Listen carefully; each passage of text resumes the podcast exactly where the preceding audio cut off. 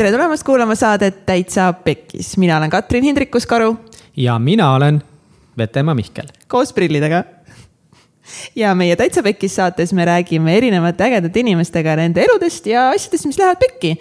miks nad pekki lähevad, kuidas nad pekki lähevad ja siis tegelikult, kuidas sellest siis kõigest võitjana välja tulla ja täna saates uh., kes on täna saates üliene-, ülienergiline on see sõna, ettevõtlik ja pidevalt arengule suunatud Mari Tallinn Tools Martin. ma lihtsalt praegu ise mõtlesin välja, et, et sa oled nagu fighteri nimi on sul. röögid rämedalt praegu. äkki ma olen energiline, mis sa tahad? meil oli ülilahe episood lihtsalt Eesti disaineri ettevõtjana. ja, kui te veel ei tea, kes on Mari Martin, siis ta on Tallinn Toolsi ja Fash Labi juht ja Tallinn Tools siis hiljuti tähistas oma kümnendat sünnipäeva uh! luues äh, ägedaid riideid, ma pean tunnistama, need on suht cool'id, sest äh, Väga. see, mis, äh, mis iganes on üks kõige geniaalse, genieelsemaid jälle, saad aru, rahvas, iga, iga saade Mihkel toodab uue sõna, see on nii cool lihtsalt, me saaks teha oma selle raamatu Mihkli, Mihkli mm. sõnastik ja geniaalne. ja lisaks, eh, kuna eh, Mari ja kogu tema ettevõte on väga keskendunud eh, jätkusuutlikule moetootmisele, siis ta on loonud ka väga laheda platvormi Prio Porter. ja mis veel, kus te tema loomingut näha näiteks saate, on väga palju kantud presidendi vastuvõttudel, on see sõna, mul täna sõnad ei ole minu teema. aga ta on, muidu tal on üks õde ja tema ema on väga palju õmmelnud. Mari ise siin just pani mingi mobla mängima, üldse ei austa. Ja, ja mis veel ägedat ah,? ja mis oh,, üks asi, mis ma no, ütlema no.. Mari on, Mari pole kunagi tööd kartnud ja ta on alati väga noorena tahtnud, noorest saadik tahtnud olla iseseisev ettevõtlik ja ta on töötanud noorena koolide kõrvalt siis keemilises puhastuses, ta on Emoris reklaame vaadanud, ta on ettekandja olnud iga, kas ma ütlesin jälle, ei ettekandja, see on eestikeelne sõna, mis seletad? seda natuke mingi no,. aktsendiga. aktsendiga, jah ta õppis, kuna ta on väga reaalainete pädev, aga samas ka loov, siis alguses ta läks õppima Tartu Ülikooli majandust, kuid äh, poole peal sai aru, et see ikka ei ole see tee.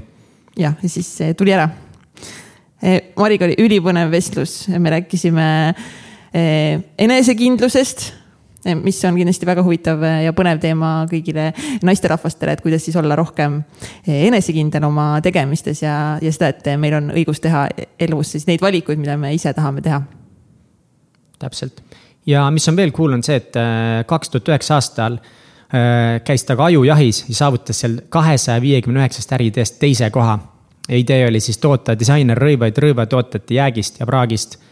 nii et äh, palju teinud, palju näinud ja ma arvan, et. Äh, ja ma arvan, me peame lihtsalt vait jääma ja laskma Marile hakata rääkima, sest see oli kuld. ja, nii et äh, follow ge meid Instas, like ige ja kui see saade andis häid mõtteid teile või saitegi paar head mõtet, siis jaga ühe oma sõbraga seda, kelle päeva võiks see ka toredaks teha, kuidas ma ütlen eestikeelseid sõnasid väga valesti. ja, ja share ige meid, me, share ige seda episoodi. Share, share ige, kes nüüd ei oska share ida. see on see, et see on nakkushaigus, see jääb lihtsalt külge. Share ige seda episoodi Instagramis ja tag ige meid, siis me näeme. Share the love. head kuulamist rahu ka kõigile. see teeb maailma rahu lõpetuseks. õige modell. tere tere. tere tulemast stuudiosse, Mari Martin. Hello. ma täna lihtsalt otsustasin tere öelda. lihtsalt, lihtsalt niimoodi tere. ma lihtsalt tahtsin originaalne öelda ja siis öelda nagu vastu hello super, ma arvan, et. Äh, rahvusvaheline naine, vaata kohe hello. ühe osa peale pole keegi hello öelnud veel, võib-olla. ma ei tea yes.. Äh, Mari Martin, minu arust äh, sa oled äh, naine, kes või oota, kuidas ma seda sõnastan. põhimõtteliselt see, mis sa täna, see on ainuke, sinu tänane looming on minu jaoks ainuke hea asi, mis tuli vapratest ja ilusatest.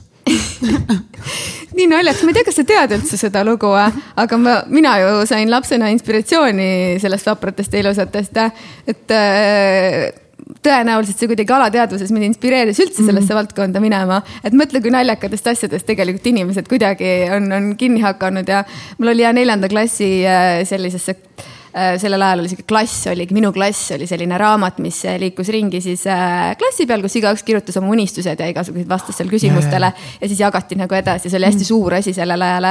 ja siis äh, ja ma ei mäletanud üldse seda, et mis ma sinna kirjutasin, aga ma olen palju hiljem selle siis uuesti lahti võtnud, et mis seal oli ja siis ma olin väga üllatunud, et ma olin sinna kirjutanud, et ma tahan saada moemänedžeriks moemänedžeriks või kas sa teadsid tollitki, mida tähendab moemänedžer? reaalselt ei teadnud, mida see tähendab. kas sihuke asi on olemas nagu moemänedžer? Äh, no täna ma enam-vähem suhteliselt seda noh, ka olen, aga see, et see mänedžer oli muidugi seal väga valesti kirjutatud ka, et ega ma väga hästi ei osanud siis üldse inglise keelt ka.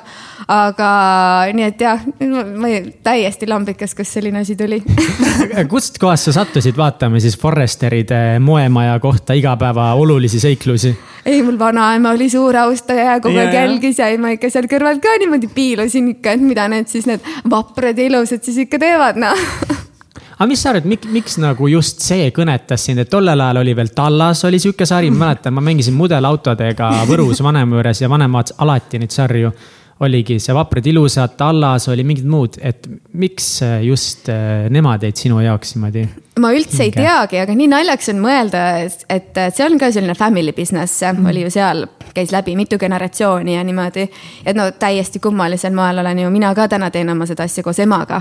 ehk et ikka väga palju paralleele ja, ja ma ei tea, mulle meeldis kindlasti see, et seal oli natukene midagi sellist äh, tõsiseltvõetavat ja ja noh, kui ma nüüd täna mõtlen, siis issand, et päris nüüd niimoodi nüüd see, see ikkagi see, see elu nüüd ei ole nagu seal vaprates ilu, ilu, ilusates nagu on. ma arvan, et ei ole selles mõttes, et sa ei ole nagu nii, ma ei tea, palju erinevaid suhteid ära rikkunud ja, ja inimesi mõrvanud ja muud sellist. nii see biooperiks ei ole läinud aga, aga küllaltki teised... seebikas võib olla vahepeal. ja, aga, aga selles mõttes muidu on küll, et see eebiooper on nagu teistsuguse võib-olla siukse vindiga, mitte nii isiklike suhete vindiga, aga seda, et seal kogu aeg mingit action'it on, see on küll sihuke seiklusfilm on kogu aeg käib nii et väiksest saadik peale moemänedžer, manageerid maailma moodi.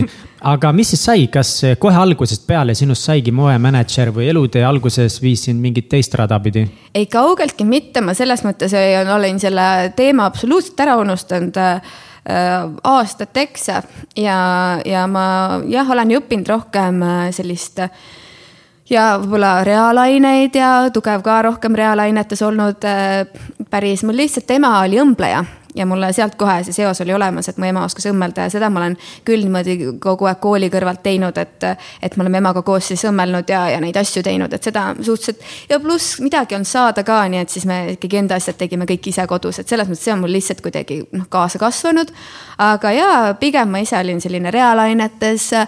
Äh, mulle meeldis, pluss kirjandus väga meeldis ka, aga kuidagi alati mul on olnud sihuke natuke skisofreeniline, et mõlemale, mõlemale suunale nagu kuidagi see tasakaal on nende kahe asja vahel, meil, me ei ole kunagi suutnud ära, ära otsustada, et, et kumb ma nüüd olen, kuigi seda kogu aeg küsitakse, siis ma nagu kuidagi ei oska midagi siin öelda, et no kuidagi ei oska ühte eelistada teisele. Best of both uh, worlds. no ma ei tea, kas best, aga igatahes mulle, mul on, ma tunnen, et ma vajan mulle mingit äh, nagu kindlasti nagu mingit kontakti mõlema maailmaga ja, ja siis jah, nii et igatahes tegelikult ma õppisin hoopis äh, reaalaineid, pigem ja hoolega lahendasin mata ülesandeid, natuke käisin ka seal olümpiaadidel, see mata kuidagi oli minu jaoks on hästi lihtne maailm ja siis äh, tegelikult läksin pärast nagu õppima ka majandust.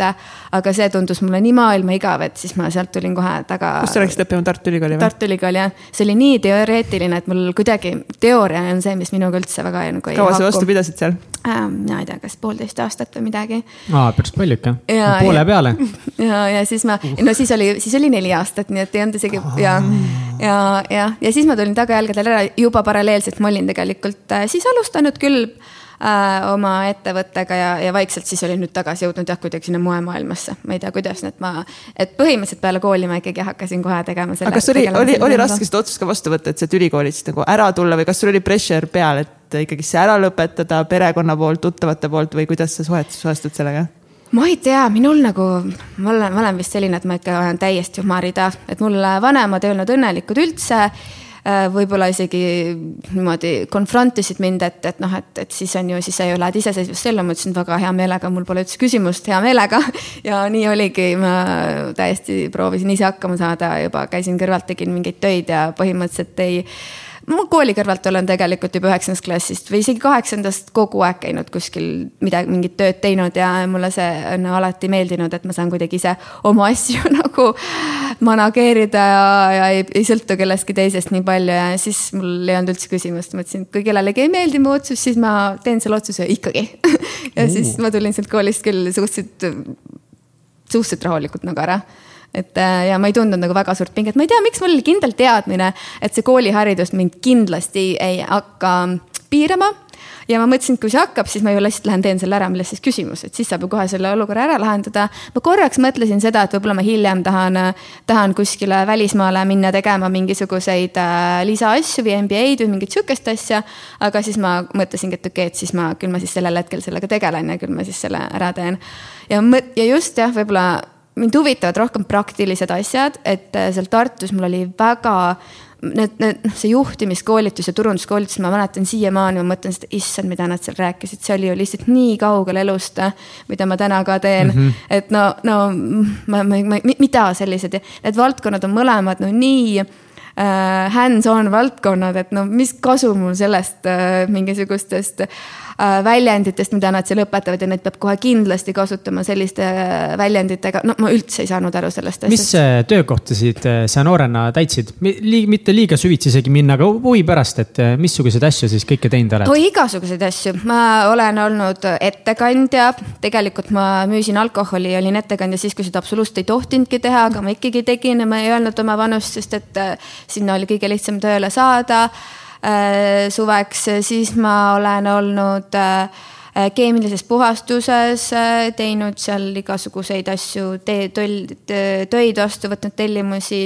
siis seal, seal tagatoas teinud seal triikinud, siis ma, siis ma peale seda, siis mul pakuti kohe mänedžeri kohta seal, et ma juhatasin siis seda üksust natukene, siis ma olen käinud Ameerikas, seal olin ka siis müüja tegelikult ja siis pärast seda ma sain ka juhatajaks seal.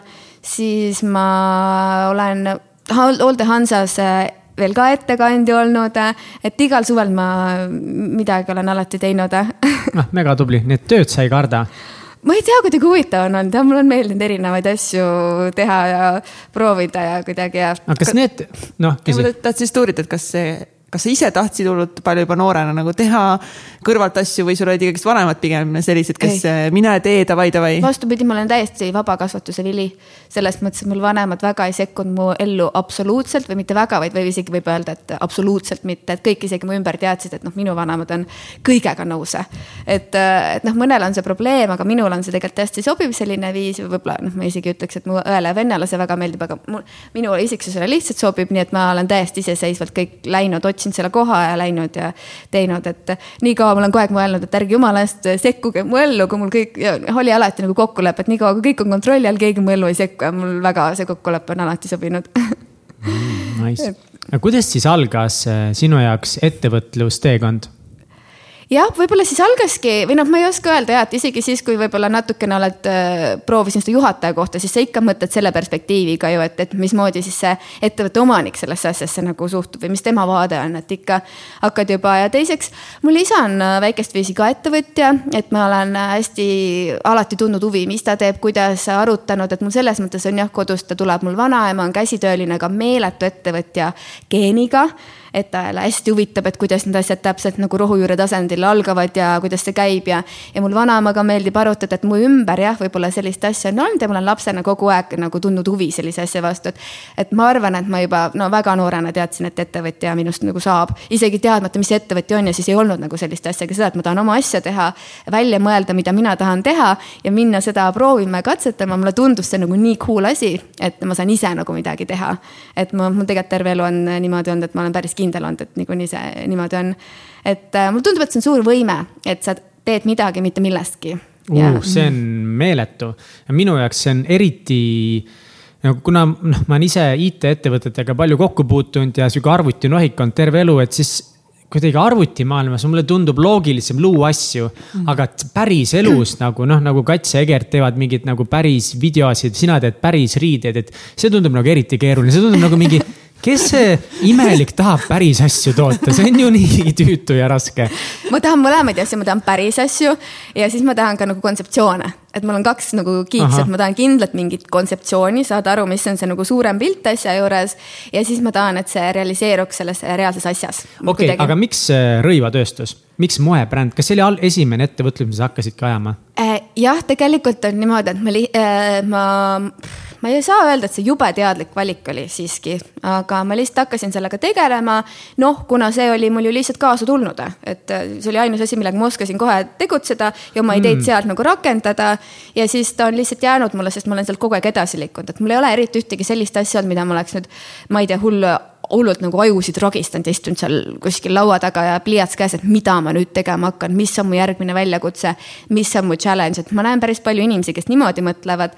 ja mul ei ole sellist momenti elus nagu tekkinud, mul on alati üks asi tulnud teise järgi niimoodi, et kuidagi loomulikult kasvanud ühest tegemisest järgmine tegemine.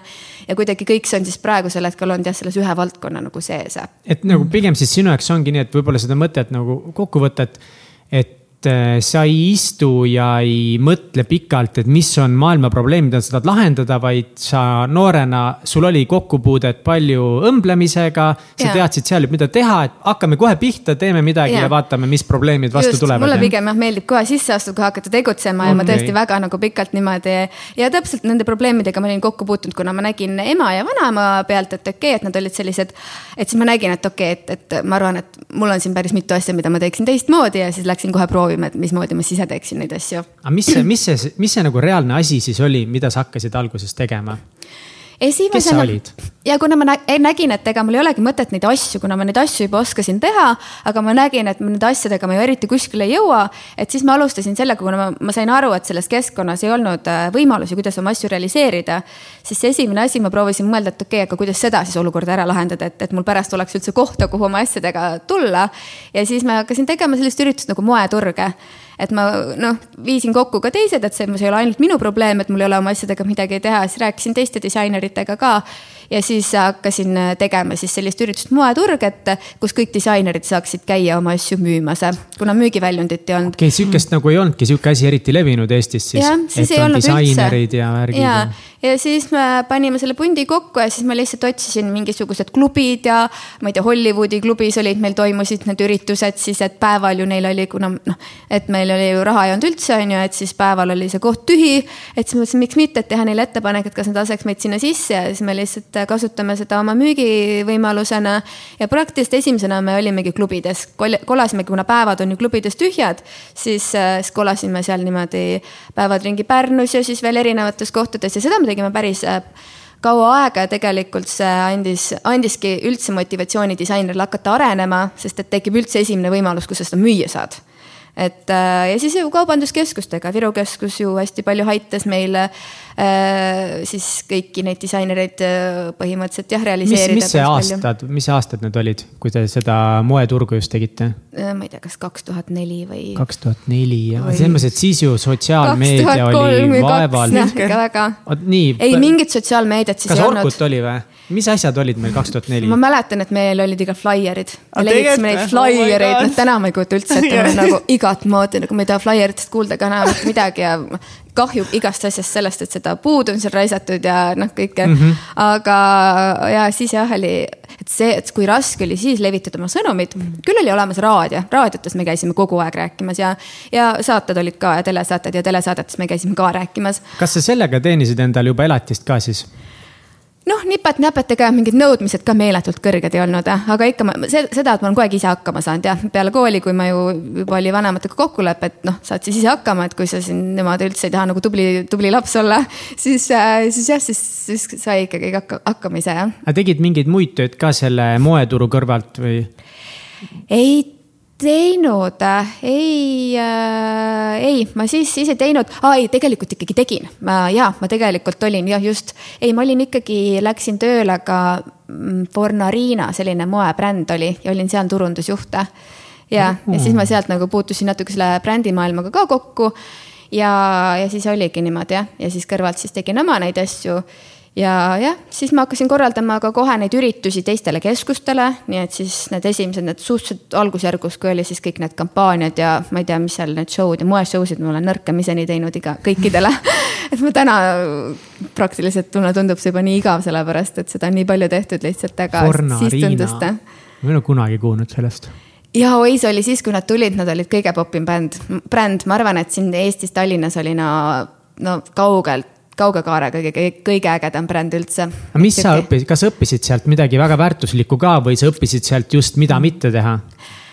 Uh, ma pigem õppisin sealt seda ju, kuidas äh, rakendada oma ideid ja ma tegin seda, aga noh, mul ei olnud endal ju riski, kui sa töötad kellegi juures, siis sul pole üldse riski, et sa saad need õppetunnid tegelikult läbida kellegi teise kuluga. teise rahakoti pealt ja, ja nii on lihtsalt. ja, ja, ja seda ma muidugi tegin, mitte üldse, et ma oleks kuidagi tahtnud ära kasutada, aga lihtsalt mul ju ka muud ei jäänud üle.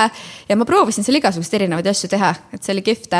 aga mul oli selge, et ma tahan oma asja ajada ja, ja et selles mõttes, et ma ühte varem või hiljem, kui mul on vähegi võimalik, siis ma ikkagi keskendun ainult iseenda asjadele ja nii siis läkski, et ega ma seal väga palju pole ei olnud ka äh, ma ei tea, kaks, kaks või kolm aastat äkki ja siis, siis ma olin ainult, põhimõtteliselt olin ikkagi, töötasin ainult ettevõtjana. et ega ma enam, täna ma kuidagi kellegi teise juurde, noh, ma pakun, pakkusin siis pärast kauem äh, pikka aega teenuseid selles mõttes teistele. et äh, lahendasingi siis jah, neid keskuste, keskuste neid kampaaniaid ja ja neid tegin vist kõikidele keskustele paralleelselt korraga. täna mõtlengi, et kas üldse nii võimalik on, et sa teed põhimõtteliselt kõikidele konkurentidele. korraga pakud sama teenust, kedagi polnud lihtsalt, kes oskaks seda teha, ma olin põhimõtteliselt nagu ikkagi Eestis ainus, siis. siis oligi nii, et, et siis kui üldse peale meid, kui nähti, et mul ikkagi tööd oli hästi palju, siis pärast meid hakkas tekkima sinna valdkonda veel, siis ma.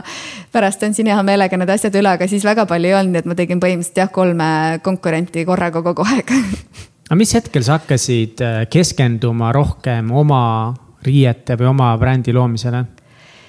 Äh, no Tallinn Dolls sai loodud kaks tuhat üheksa. nii et siis selles mõttes äh, või kaheksa isegi, kaks tuhat kaheksa.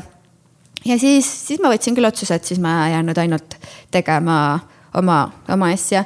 ja ma tegin vahepeal ka Reuse Republic sellist keskkonnaprojekti, mis oli, mis oli siis, me kogusime kokku brändidelt nende jäägid ja siis jagasime laiali disaineritele ja siis et noh, ei olnud materjalikulu. Jällegi kord, kuna eelarved olid noh nii olematud ja kellelgi polnud üldse nagu võimalusi väga suuri, siis noh ka teised disainerid nii-öelda. ma olen alati kuidagi noh, teiste disaineritega kontaktis olnud, et mitte ainult iseenda eest, vaid nagu põhimõtteliselt kogu selle sektori eest ikkagi rohkem seisnud ja siis äh, jah, siis ma teadsin, et äh, ikkagi või, ei olegi võimalik eriti millestki midagi luua, sest noh, jälle juba algvahendid vaata nõuavad mm -hmm. investeeringut ja siis ma jagasin neile laiali need äh teiste brändide nii-öelda jäägid. ja mingid praagid ka. ja praagid ja kõik sellised asjad ja siis nad said sealt luua nagu uusi asju ja siis ma kutsusin nad keskustesse, et tulge müüge oma need asjad maha. kas sellega olid, oli Ajujahis käisid selle ideega välja? ja, ja mm -hmm. just täpselt ja et see oli ka ja peale seda siis äh, hakkasime tegema Tallinn Dolls ja peaaegu üks asi on kogu aeg teiseni viinud jah. ja nii lihtne, lihtsalt hakkas.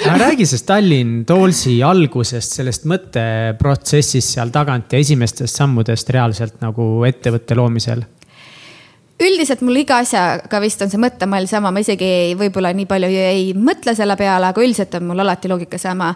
alguses võtan selle otsuse vastu, et lähme lihtsalt proovime ära hästi easy'sti, lähme proovime ära, ärme hakka midagi mõtlema ja peale seda esimest katset teeme järeldused ja vaatame, mis seis on ja siis oskame juba täpsemalt panna plaani paika ja niimoodi ma teen täna, ma arvan, et absoluutselt igat projekti. et ma tõttan kohe esimesse katsesse, et see katse oleks võimalikult lihtne, võimalikult väikeste kuludega üldiselt see tuleb, kulude manageerimine tuleb mul suht hästi välja ja siis, äh, ja siis, ja siis pärast seda siis mõtled, siis sa hakkad juba suurelt mõtlema, et okei okay,, siis saad aru, et mis see reaalsuse nagu olukord on. sa tegid MVP-sid enne kui MVP-d olid ägedad Most viable ja. product'id siis IT-maailmas väga tuntud, levinud, aga eks IT-maailm võtabki tihti ikka mujalt tegelikult. no see on loogiline lihtsalt. aga, aga mis siis nagu niimoodi, sa teed, sa võtad otsuse, sa kohe lähed tegutsed, õpid äh, tegudest, mis on üliõige ja väga lahe mis mis olid reaalsed esimesed sammud, mis sa kohe tegid siis? no Tallinn Tollsiga oligi selline olukord, et ma tegelikult kasutasin ära momendi. see algas täpselt niimoodi, et kuna ma tegin, töötasingi nende kaubanduskeskuste jaoks, tegin kampaaniaid. seal öeldi, et noh, tahad mingit vau asja saada sinna show'sse, siis mõtlesin, okei okay, aga selge, ma mõtlen selle asja ise välja ja siis ütlesingi Karolinile, et Karolin, ma olen alati mõelnud teha oma brändi. Eestis ei ole ühtegi tugevat brändi ja me teeme nüüd niimoodi, et teeme kiiresti oma selle brändi ja teeme selle esimese kollektsiooni ja see läheb sinna kohe sinna keskusesse sellele show'le. Karolin siis kui Karolin Kuusik? Karolin Kuusik jah, täpselt. et ma olen temaga kuidagi paljudes projektides olnud koos ja, ja selle mõtte alustasime ka temaga koos. ja täpselt sellise enam-vähem ettepaneku ma tegingi, aga kuna mul juba see show oli seal ära korraldatud, see keskuse asi juba oli käimas siis ma jah. kasutasid ära võimalust, väga, väga kaval, aga see on, inimesed, kasutage ära võimalusi, sest tihti inimesed näevad võimalusi, aga nad hakkavad liiga palju mõtlema, et kuidas ma siis seda ikka teen yeah. ja kuidas see ikka välja tuleb ja yeah.. aga ikka. edasises siis... asjas räägime juba edasi, kui see esimene kollektsioon on ära tehtud, siis vaatame, mis siis edasi teha. no vot, aga kuidas te tegite esimese kollektsiooni, kahekesi ise paberi peal joonistasite, millised riided võiksid olla, ise õmblesite või, või ja, keegi teine? niimoodi oligi, et siis Karolin äh, Kuusik oli sellel hetkel jah, siis äh, disainer, ta oli muidu rohkem tuntud kui stilistina. aga ma tean väga hästi, et tal on väga hea disaineri anne ka olemas, pluss ka tehnilisi oskuseid mida ka on disaineri rollis vaja, mitte ainult äh, jah, nagu sellist ilumeelt. Et siis äh, jah, Karolin pani selle mõtte, ma ütlesin nagu struktuuri, milline see kollektsiooni struktuur võib olla, alati võib-olla mina tõstatan, loon selle kontseptsiooni ette, see võiks selline olla ja nüüd paneme selle siis disaini. Karolin, ma arvan, et me tegime pigem väikse kollektsiooni, et mingi kümme võib-olla toodet ja siis, äh, ja siis jah, ma olen alati olnud siis see, kes organiseerib kõik need asjad ära, et need saaks tehtud nii et siis otsisin äh, olnud kaugelt vaja otsida ka õmblejad ja, ja siis, et kuidas kõik need materjalid ja kõik asjad kokku saada. ja siis äh, teostasime selle ära ja panime siis sinnasamale show'le, mida ma ise korraldasin. kuidas see nimi sündis, see nimi on nagu nii ilus ja catchy ja põnev ja. jaa, aga see nimi tõesti, äh, selle jaoks me tegime ka ühe siukse brainstorming'u, mis lõppes niimoodi, et põhimõtteliselt jah, Karolin pakkus välja, et, et Tallinn Dolls lihtsalt kõlab hästi ja, ja et see on nagu kiiksuga ja kuna me tahtsime, et seal oleks päritolu mm. mingisuguse vihjega, et see on ikkagi meie Eesti esimene selline nagu moebränd, oma moebränd. sellel hetkel ei julenud seda keegi teha, see tundus liiga suur asi, mida teha disaineritele ja, ja siis, siis jah, ja siis, et see päritolu võiks seal sees olla ja see võiks olla hästi au siis, aus selle suhtes, kes me oleme siin piirkonnas ja, ja pigem seda väärtustada, sellepärast et ma mäletan väga hästi seda olukorda, kui me ja et oleks ka natuke naljakas ja lõbus, et see Tallinn Dolls on kuidagi, nad ei ole üldse liiga tõsiseltvõetav, et sa ei võta ennast kogu aeg liiga tõsiselt, et natukene mänguline lõbus, samas ta on selline, et ta on nagu karakteristik võib-olla siis Tallinnas ja Eestis elavatele naistele. ja kuna Eesti ongi selline ju, et, et siin on sellist rohkem võib-olla slaavilikku sellist elujanu ka, ei ole, noh, Skandinaavias võetakse ennast väga palju rohkem tõsiselt. et siis me pigem tundsime, et see on meie boonus ja, ja, ja, pigem lisandväärtuse. et me tahame kindlasti sellele pigem nagu sellist head valgust äh, suunata sellel ajal, kui me alustasime, oli, oli lihtsalt see olu-, seisu, mäletan, et need arvamused olid kõik sellised, eriti kui ma keskustes tegin ka tööd, et Eesti asjad on nagu halvemad kui teised. et mis me siin ja, ikka oskame ja. teha ja, ja et peaasi, et peaks ikka suur bränd olema ja kui ta välismaalt tuleb, siis on kindel värk ja noh, selline, et kui Eesti kaupa tahad müüa, et siis ta peab olema odav kindlasti. et, et muidu muud nagu eelist ei saa olla Eestil, et, et kõik, mis me siin teeme, et oh, mida meie ikka oskame teha. et selline oli see olukord, et mul nii hea meel vaadata, et praegu on noh täpselt vastupidi. et Eesti asju väärtustatakse rohkem ja me enam-vähem selle teekonna alguses võtsime kohe selle seisukoha, et me hakkame kindlasti Eesti asja nagu promoma. et Eesti asjad nagu jõuaksid, oleksid inimeste teadvuses ikkagi pigem nagu kui lisandväärtuse. kui sa lähed nüüd oma mõtetes nüüd ajas tagasi sellesse hetkesse, kui te tegite selle esimese kollektsiooni ja need võib-olla see üürike aeg, mis sellest siis edasi sai, et millised olid need väljakutsed või sellised no mingisugused küsimused, millega sa, millega sa seisid vastamisi just selles samas võtmes kasvõi, et Eesti asi peab olema odav, sest muidu teda nagunii või naa keegi ei osta, et, et mis raamidesse see surus sind seal? jah, oligi, et, et äh, me teadsime ka kohe samamoodi, et, äh, et ju väikese seeria tegemisega on väga raske äh, ju konkureerida tegelikult H ja M-iga, noh, praktiliselt võimatu. ja ka seda, et ma analüüsisin või hakkasin ma ei tea, kas ma nii põhjalikult analüüsisin, aga noh, kindlasti mõtlesin läbi, kuidas kogu selle moekontseptsiooni äh, või süsteemi või ütleme siis jah, selline, kuidas see tsükkel üldse toimub selles äh, asjas ja selles valdkonnas. ja ma koheselt kuidagi. nagu ärimudeli natukese jah. ja ma koheselt sain aru, et, et mulle tundus see nii ebaloogiline ja hästi äh, ebaefektiivne ja siis äh, ja ma mõtlesin, et aga noh, kes sul on alguses võib-olla ja äh, ma olin ikkagi väga palju ebakindel ka, et noh, ma astun jälle sellesse valdkonda, mis mina selles üldse no, nii palju tean, et las ma pean esialgu nagu õppima rohkem. ma teadsin ju hästi palju, ma teadsin rohkem turundusperspektiivist moodi, aga ma ei teadnud seda, kuidas seda teha, et just selle sees nagu olles ja et äh, ja siis ja, ja ka kohe, kui ma seda analüüsisin, mul mingi kontseptsioon oli ja ma sain aru, et mulle tundus, et see on hästi ebanormaalne, et, et hästi, ta on hästi kuluderohke, see valdkond. üldse tootmine on üldiselt kuluderohke, sellepärast sa pead ju tegema kulud ette ja kuna see moetsükkel on ka päris pikk, kuidagi, et jumal tänatud, et ma ei ole koolis käinud ja moodi õppinud, sellepärast et et ma olen need materjalid küll läbi vaadanud, mida seal õpetatakse, see on noh, täielik absurd. nad õpetavadki inimestele, kuidas või moetudengitele, kuidas see peabki olema, et moetsükkel peabki olema kaks aastat. et sa siis teed täna umbes kollektsiooni või disaine või hakkad, alustad seda tegemist ja siis see tegelikult, see jõuab turule kaks aastat hiljem.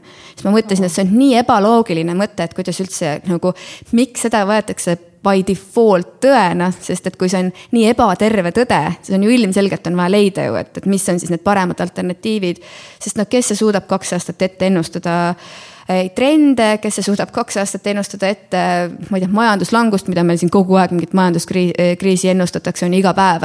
ja mida ei tule ega ei tule, on ju, ja siis, et noh, see ei ole, et see on nii eba, arvata, et see on üldse võimalik ja kes nii tark oleks, et, et, et. sa ütlesid, et, et nagu sa olid samas väga, väga ebakindel sellel ajal, noh, ilmselt oligi, et sa olid uues maailmas ja kas väga paljud soovitasid ka kuidagi, kuidas on õige teha ja kuidas sa peaksid tegema ja? no ma ütlengi, et seda, seda õpetajaid oli hästi palju, hästi-hästi palju, kõik täpselt ja teooriatargad on no, ala, üldiselt on see hästi levinud, et noh, teooriatarkust on hästi palju.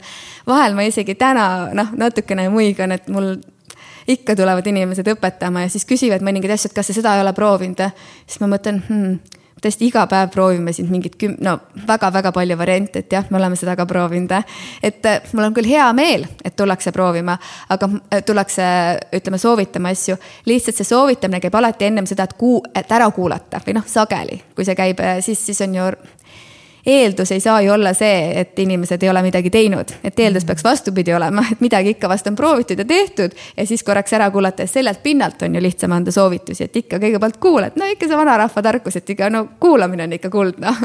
kas, äh, ma mõtlen, et kuidas, kuidas, mis aitas sul jääda endale kindlaks, et kui, kui sa oled noor alustav disainer, sa ei ole selles vallas veel endale nime teinud, aga mul on tunne, et sul pigem oli nagu natuke see oma visioon sellest, kuidas seda peaks tegema, mis sul aitas jääda endale kindlaks, et hoida seda oma joont, mitte nagu anda alla nende survete ja nõuannete ees? mul see taktika on üldiselt kogu aeg sama, et äh, olgu, et äh, mul on kaks paralleelset äh, mõtet, mida lähme lihtsalt testime, et ärme siinkohal vaidle, et polegi mõtet, lähme proovime ühte, lähme proovime teist ja siis saame teada. ja, ja eelkõige ma tahaks muidugi esimesena enda lahenduse ära proovida. et, et siis ma enam ei hakka rääkima, ma enam-vähem vaidlema ei hakka kunagi, et ma selline vaidletüüp ei olegi üldse. et ma kuulan ära, et aitäh, aitäh, aga lähen ikka oma teed edasi. et, et selles, kui ma olen veendunud, et või noh, analüüsin ja näen, et mulle tundub, et on rohkem ikkagi pointi. ja siis oligi niimoodi, et, et kuigi kõik arvasid jube halb idee, aga ma läksin jah, siis esimesena proovisin seda, et, et kuida-, kuidas siis on see, et me tahtsime, tahtsime saada esimeseks nagu tiražeeritud brändiks, aga meil ei olnud üldse mitte mingisugust eelarvet, et seda teha. ja siis ma lihtsalt mõtlesin, et ega milles küsimus, paneme need näidised, siis juba sellel hetkel juba hakkas tulema see Facebook äpp ja siis äh, paneme oma näidised lihtsalt Facebooki ülesse ja küsime, kas inimesed oleksid nõus tellima need asjad ette, maksma ette ära, et me saaksime seda toota. ja siis me tegime väga sihukese ilusa pöördumise ja, ja siis ütlesime, et aga anname sellest väikse soodustuse ka, et nad on valmis äh, noh, meiega siis äh, niimoodi meid usaldama selle eest ja jah kuigi öeldi, et noh, see nii, nii üldse ei käi moodi, niimoodi ei tehta, aga, aga meie tegime ja siis meil tuli sellele hästi palju vastukaja. ja siis me saime aru, et jah, et ikka see lahendus, et ikkagi, et ei ole mõtet.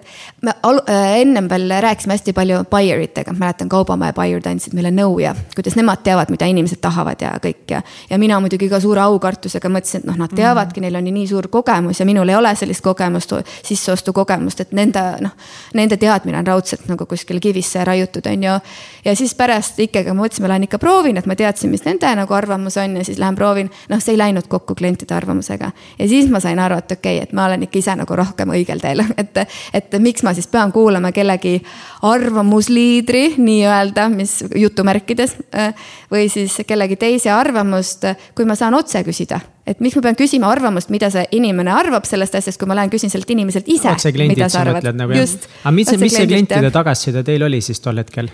siis oligi, et nad äh, saatsidki meile äh, siis, et nad soovivad, andsid teada, millist mudelit nad soovivad, mis neile meeldib. Äh, me saatsime siis see kõik seal Messengerisse vestluse või noh, seal niimoodi nende äh, Äh, jah, siis seal selles jutu, jutukanalites seal on ju, siis kirjutasid isiklikult siis jah, et, et soovivad seda, seda mudelit sellises suuruses. teinekord küsisid, mis mõõdud on, täpsustasid üle, siis me andsime teada, soovitasime veel, millist mõõtu võtta, siis saatsime kontonumbri, et palun. ühesõnaga, see oli ikkagi ja... positiivne, inimesed olid valmis ostma küll jah? ja, inimesed... ja kõik ütlesid sulle, et ära tee nii.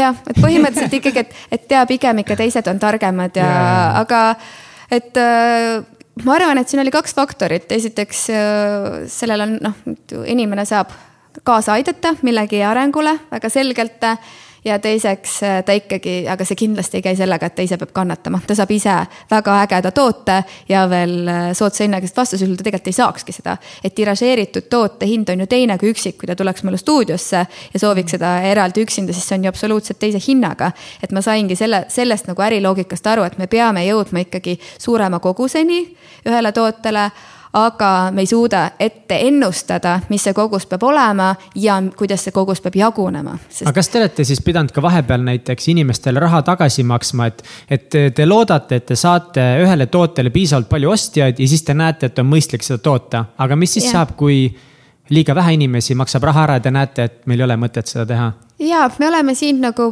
plaani, meil on jah õigus, et selle mudeliga nüüd täna me teeme nüüd, oleme siis arendanud selle mudeli tegelikult platvormiks. seesama väikene idee, mis me siis tookord läksime rakendama lihtsalt Facebookis, me oleme täna sellest siis teinud sellise täiesti tehniliselt äh, palju siis keerukama ja noh, mugavama kasutuskogemusega platvormi.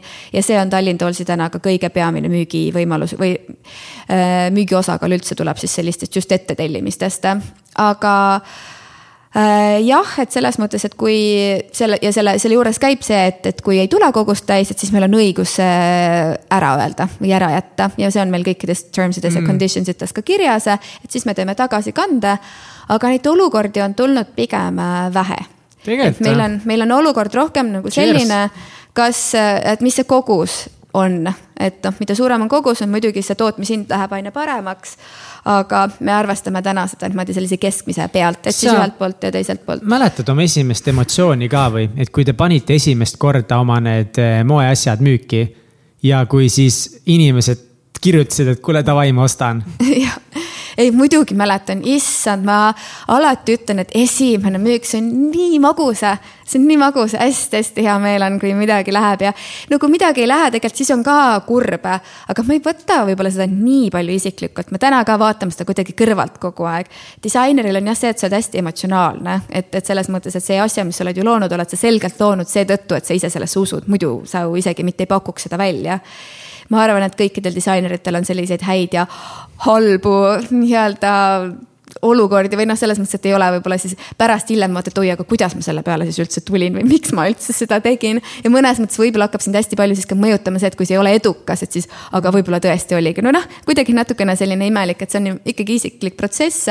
aga ma täna olen kogu aeg mõelnud, et ma tahangi, et see et see kuidagi isiklik äh, loomisprotsess oleks täiesti eraldiseisev, et me ikkagi vaataksime seda kõrvalt ja kohe, kui see asi on lõpetatud, see protsess, siis me anname selle endast nagu välja.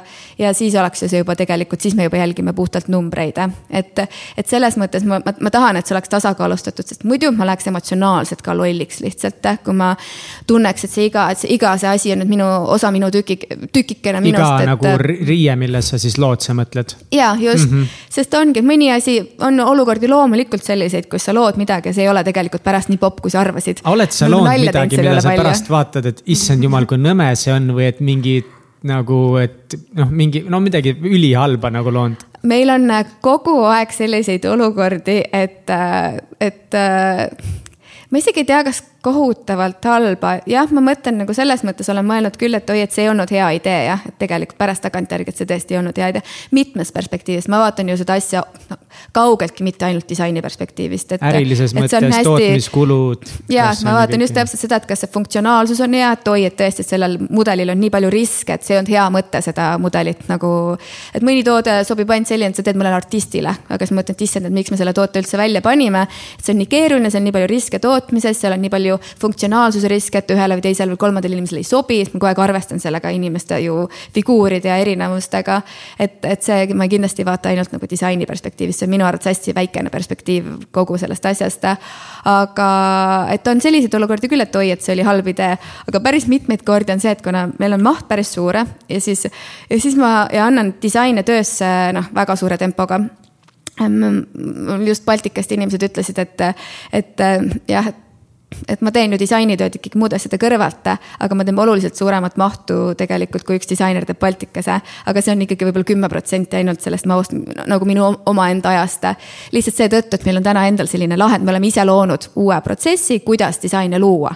ja see on ka, me oleme mõelnud selle täitsa teistsuguse süsteemi ja me teeme seda palju nagu oma, oma loogika alusele. et, äh, et igatahes ehk, et me teeme päris palju ja siis mul on viiskümmend disaini teen ma nädalas. ja siis vahel on küll ja annan nagu neidiseid ka sisse viiskümmend äh, disaini nädalas. ja siis ma vahel. viiskümmend disaini nädalas just. mis sina ise teed? ja just, mina ise teen. kas nagu... sa nagu lihtsalt pritsid suvaliselt asju paberi peale ja vaatad, mis tuleb? mul ideid oleks palju rohkem et Oma... kuidagi jah, mul oleks ideid väga-väga palju rohkem, aga, aga jah, just, et, et, et ikkagi siis, siis ma sealt ikkagi päris suuresti valin uh,. ma tahan, see, kuidas see ideede teema on päris huvitav. kas sul on mingi konkreetne protsess või mitte nagu hullult nagu tehniline protsess, vaid pigem nagu sihuke mõtteviis või protsess sinu peas, et kuidas saad ideid välja või kas sina mõtled, et pigem sada kehva ideed, kui et viis hullult head ideed või ei no meie valdkonnas üldiselt on niimoodi ikkagi, et äh, sada kehva ideed äh, on ikkagi väga-väga halb lahendus. et mhm. parem lahendus on ikkagi, kui on viis head ideed ja sellepärast on meil ka kogu see mudel loodud, see ette tellimise mudel, et kiiresti sealt, et kui igaks juhuks, esiteks me juba sinna ei taha, proovime võimalikult palju vähe kehvasid mudeleid panna. aga et, et sealt ma, selekteerida ma selgelt ainult seda. tugevad välja. ei, ma mõtlesin pigem nagu niimoodi, et kui sa oma peas ideid lood mm., et ma lihtsalt mõtlen seda, et, et kas sa nagu et kas sa oled juba lihtsalt nii pädev, kuidas see võimalik on, suudad nädalas toota viiskümmend nagu mingit head ideed, et kui mina mõtlen, et kui ma peaks mingi ideed välja mõtlema, siis ma hakkan lihtsalt mingeid suvalisi asju paberi peale panema, et oma mõte lahti saada. ja siis, kui ma panen mingi viisteist mõtet, ükskõik mis valdkonnas paberi peale, siis võib-olla nendest mingi kolm-viis on sellised, mis ma vaatan, et okei okay,, siit on midagi head teha, et et mis ma tahan öelda, on see, et, et minu meelest inimesed panevad vahepeal enda nagu ideation on ingliskeelne väljend, et sa nagu hakkad ideesid genereerima, et sa pead nagu justkui hästi palju suvalisi ideid genereerima, kuskile välja panema yeah ja siis su mõttes hakkavad need head ideed tulema. kuidas sa viiskümmend head ideed kohe saad? ei, ei, ma ei saa ka viiskümmend head ideed, absoluutselt mitte, absoluutselt Aha. mitte. mul on ja samamoodi tegelikult ikkagi see, et mul on ikkagi oma abivahendid, mida ma kasutan. mul on ikka igasuguseid, kus mul on igasugused mõttekõlkse kirja pandud. ja ma arvan, et see kuidagi on ja neid mul on hästi suures koguses, ma olen täitsa hull, mul on nagu ikka faile igat moodi, kus ma panen suvalisi asju nagu kirja.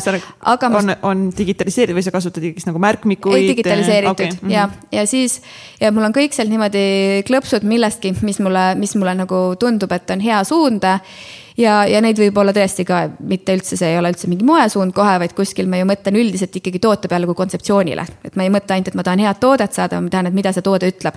et kellele ta sobib, mille jaoks, et kuhu ta nagu peaks, kuhu, millisesse maailmasse ta peaks sobituma.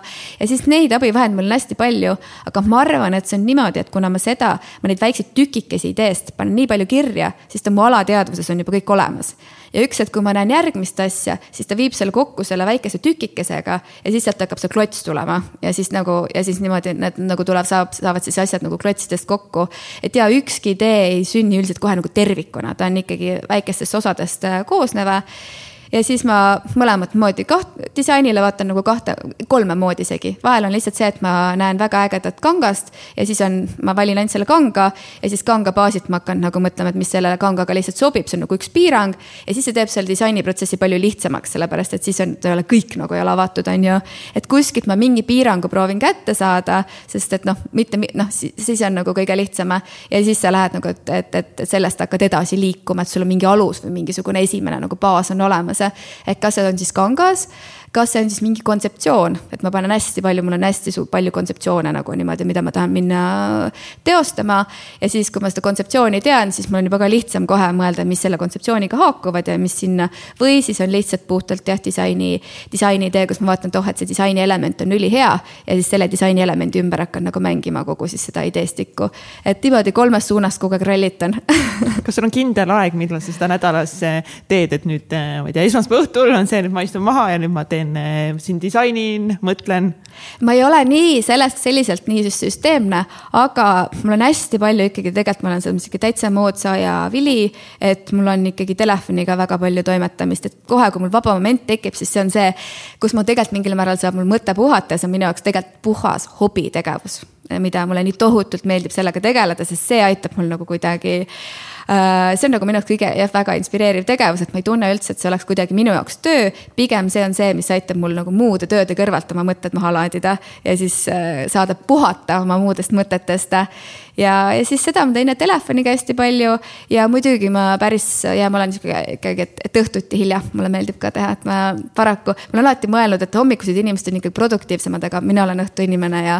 ja nüüd ma olen ikka raamatuid lugenud, kus öeldakse, et ei, ei, et õhtuinimesed on ka produktiivsed, võivad olla, sest mul oli aeg nagu, aga et, et ma ikka ei pea ennast ümber koolitama, et kui ma ikka olen õhtuinimene, siis ma olen õhtuinimene. Embrace it jah mul on nagu nii palju suundasid, kui ma tahaks selle vestlusega minna. ma küsin korra veel selle, kui sa ütlesid, et nüüd on, et tootmised on nagu hästi suureks teil läinud, aga kuidas nagu alguses oli, kui palju te päriselt nagu kõige alguses mingeid tooteid oh, tegite? oi ei, ikka väga, väga vähe ja absoluutselt. nagu kümme või kakskümmend, sada või? ei, ei, kümme, kümnesse jõuda sul ikka, see on juba samm. ja et ma täna räägin päris paljude teiste disaineritega ka ja siis mul tulevad need noored disainerid päris palju, me oleme, meil on isegi sihuke TD Young Talent ja siis ma kuulen neid. High five tahtsin samast teemast rääkida, nice. kuulen neid lootuseid, mis neil on ja siis, siis mul on korraks alati niimoodi, et aga millele need lootused siis üles ehitatud on mm. -hmm. et kõik arvavad, et esimene kogus tuleb kohe, et vot hakkan tegema, siis kohe on nagu sajad kogused.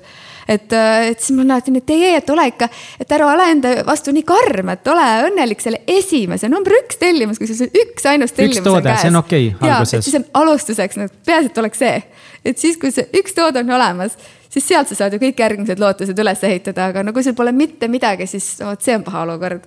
et äh, või no mitte paha, see tuleb ära parandada lihtsalt, see ei ole paha olukord, tuleb ruttu tegeleda, et see, et see, et see üks ikkagi tuleks. ehk et ja ei, väga väikesed kogused, väga väike algus, igaüks alustab ikkagi väga-väga väikselt ja seda juba seda esimest äh, tellimust nagu saada on, on raske, ikka väga raske mm, -hmm. et äh, see on ju selge, et keegi peab sellesse väga palju uskuma äh, sinusse ja, ja see on meeletu kompliment, kes selle esimese tellimuse teeb. et äh, nii, et jah, ikka alustad väga väikselt meie alguse esimesed kogused olid väga väiksed, ma arvan, üldse kolm esimest aastat meil oli päris päris raske hakkama saada. ma siis ka tegin ikka väga palju asju selle Tallinn Toolsi kõrvalt, noh, oma teenuseid müüsin välja, et tegelikult ainult toetada kogu aeg ainult seda.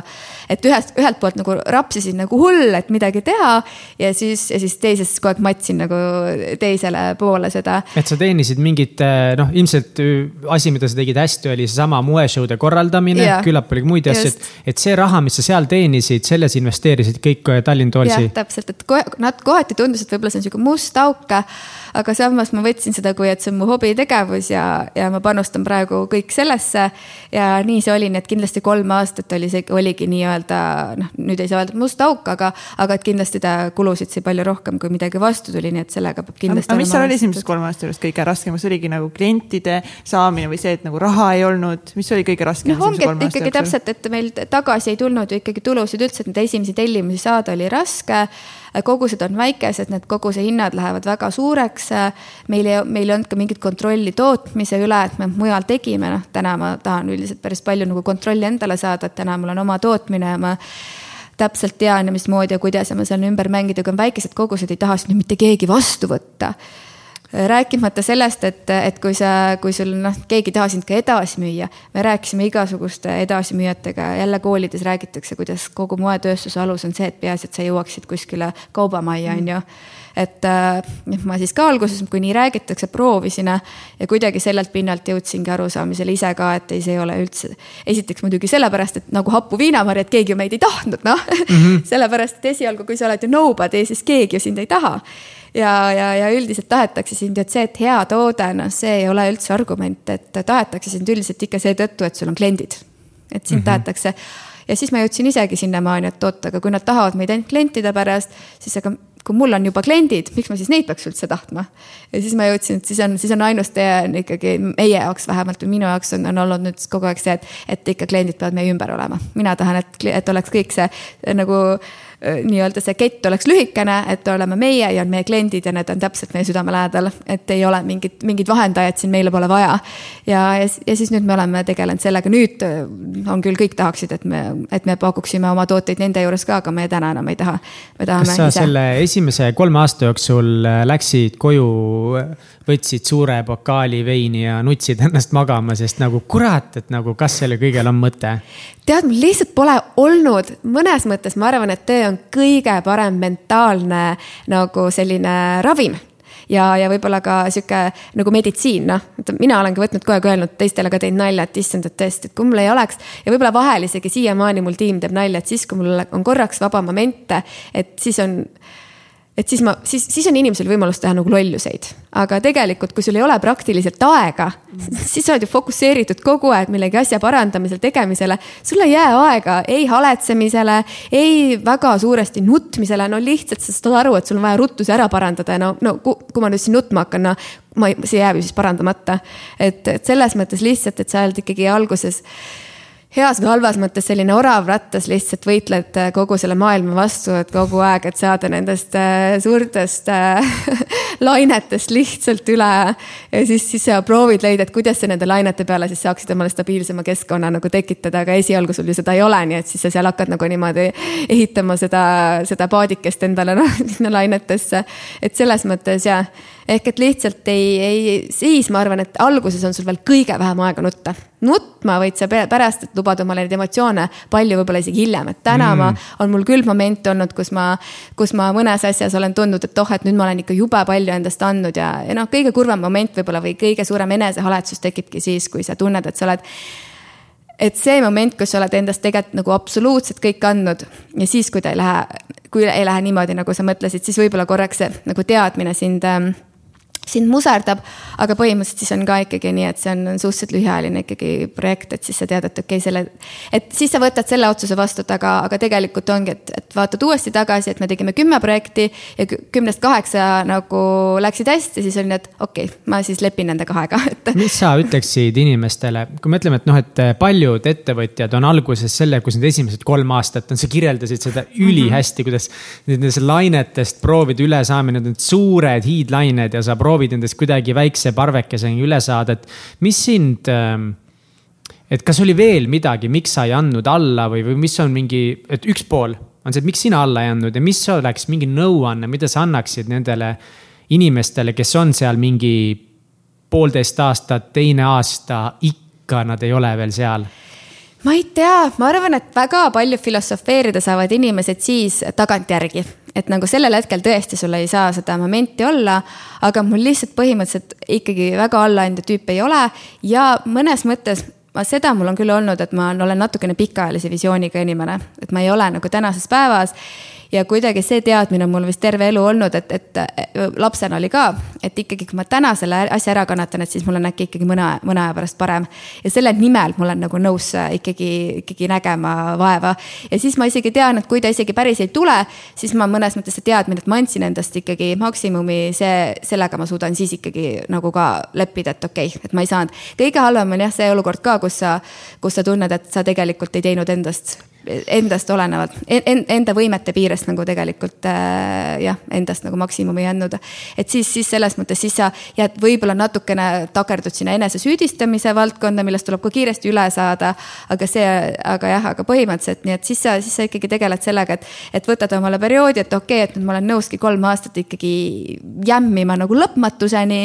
ja, ja siis vahel, kui sa mõtled, et oo kurat, et päris nõme, siis sa mõtled, aga ma ju ise, aga mina kogu aeg mõtlen, aga mina olen ise selle, selle valinud, selles mõttes, mul ei ole kedagi teist süüdistada, vaatad jälle peeglisse, et see kõik on ju minu enda orgunnitud tegelikult.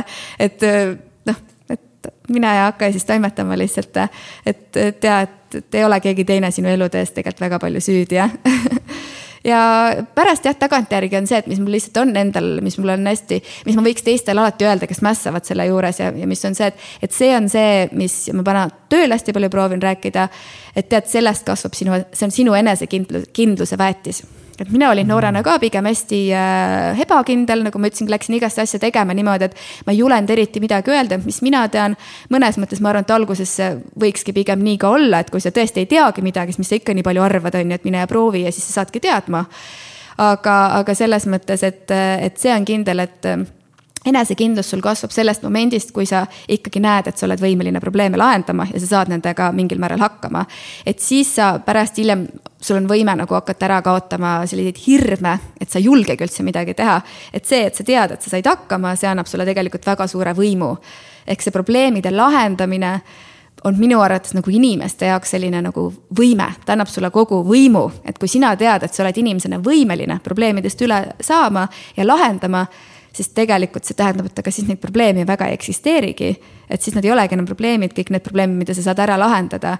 ja siis sul ju kaob ära see hirm, et oh, et ma kardan neid probleeme. siis sa oled nagu nii, et bring it on kas probleemide lahendamine on sinu meelest õpitav? Kas igaüks suudab ära õppida probleemide lahendamise? see on täielikult õpitav, see on täielikult äh, enda programmeerimine selliselt, et sa seda lähed seda tegema. see on selge, et, et kui sa alguses kuuled mingist probleemist, sul on sekund, äh, see ehmatab sind no mõnikord aga... täiega ehmatab ja, nagu ja. kakapüksi ehmatab. jah, täpselt, et see on selge, et seda nagu arvata, et, et nüüd, et sellist, et nüüd see pigem ma ei, ma ei kujuta ette, kas üldse võimalik on niimoodi, et see, et see korraks sind ei ehmataks ja et siis, siis sa oled vist täitsa nagu tuim. et sa ei saa ju päris nagu tuim ikkagi olla, et, et aga, aga selles mõttes jah, et see ehmatab, aga siis juba rahustab see asjaolu, kui sa suudad mõelda, et aga kuidas seda lahendada. see on juba rahustav asjaolu, et kui see on lahendatav siis juba on juba pool võitu, et jah, ja siis keskendud juba ainult sellele lahendusele.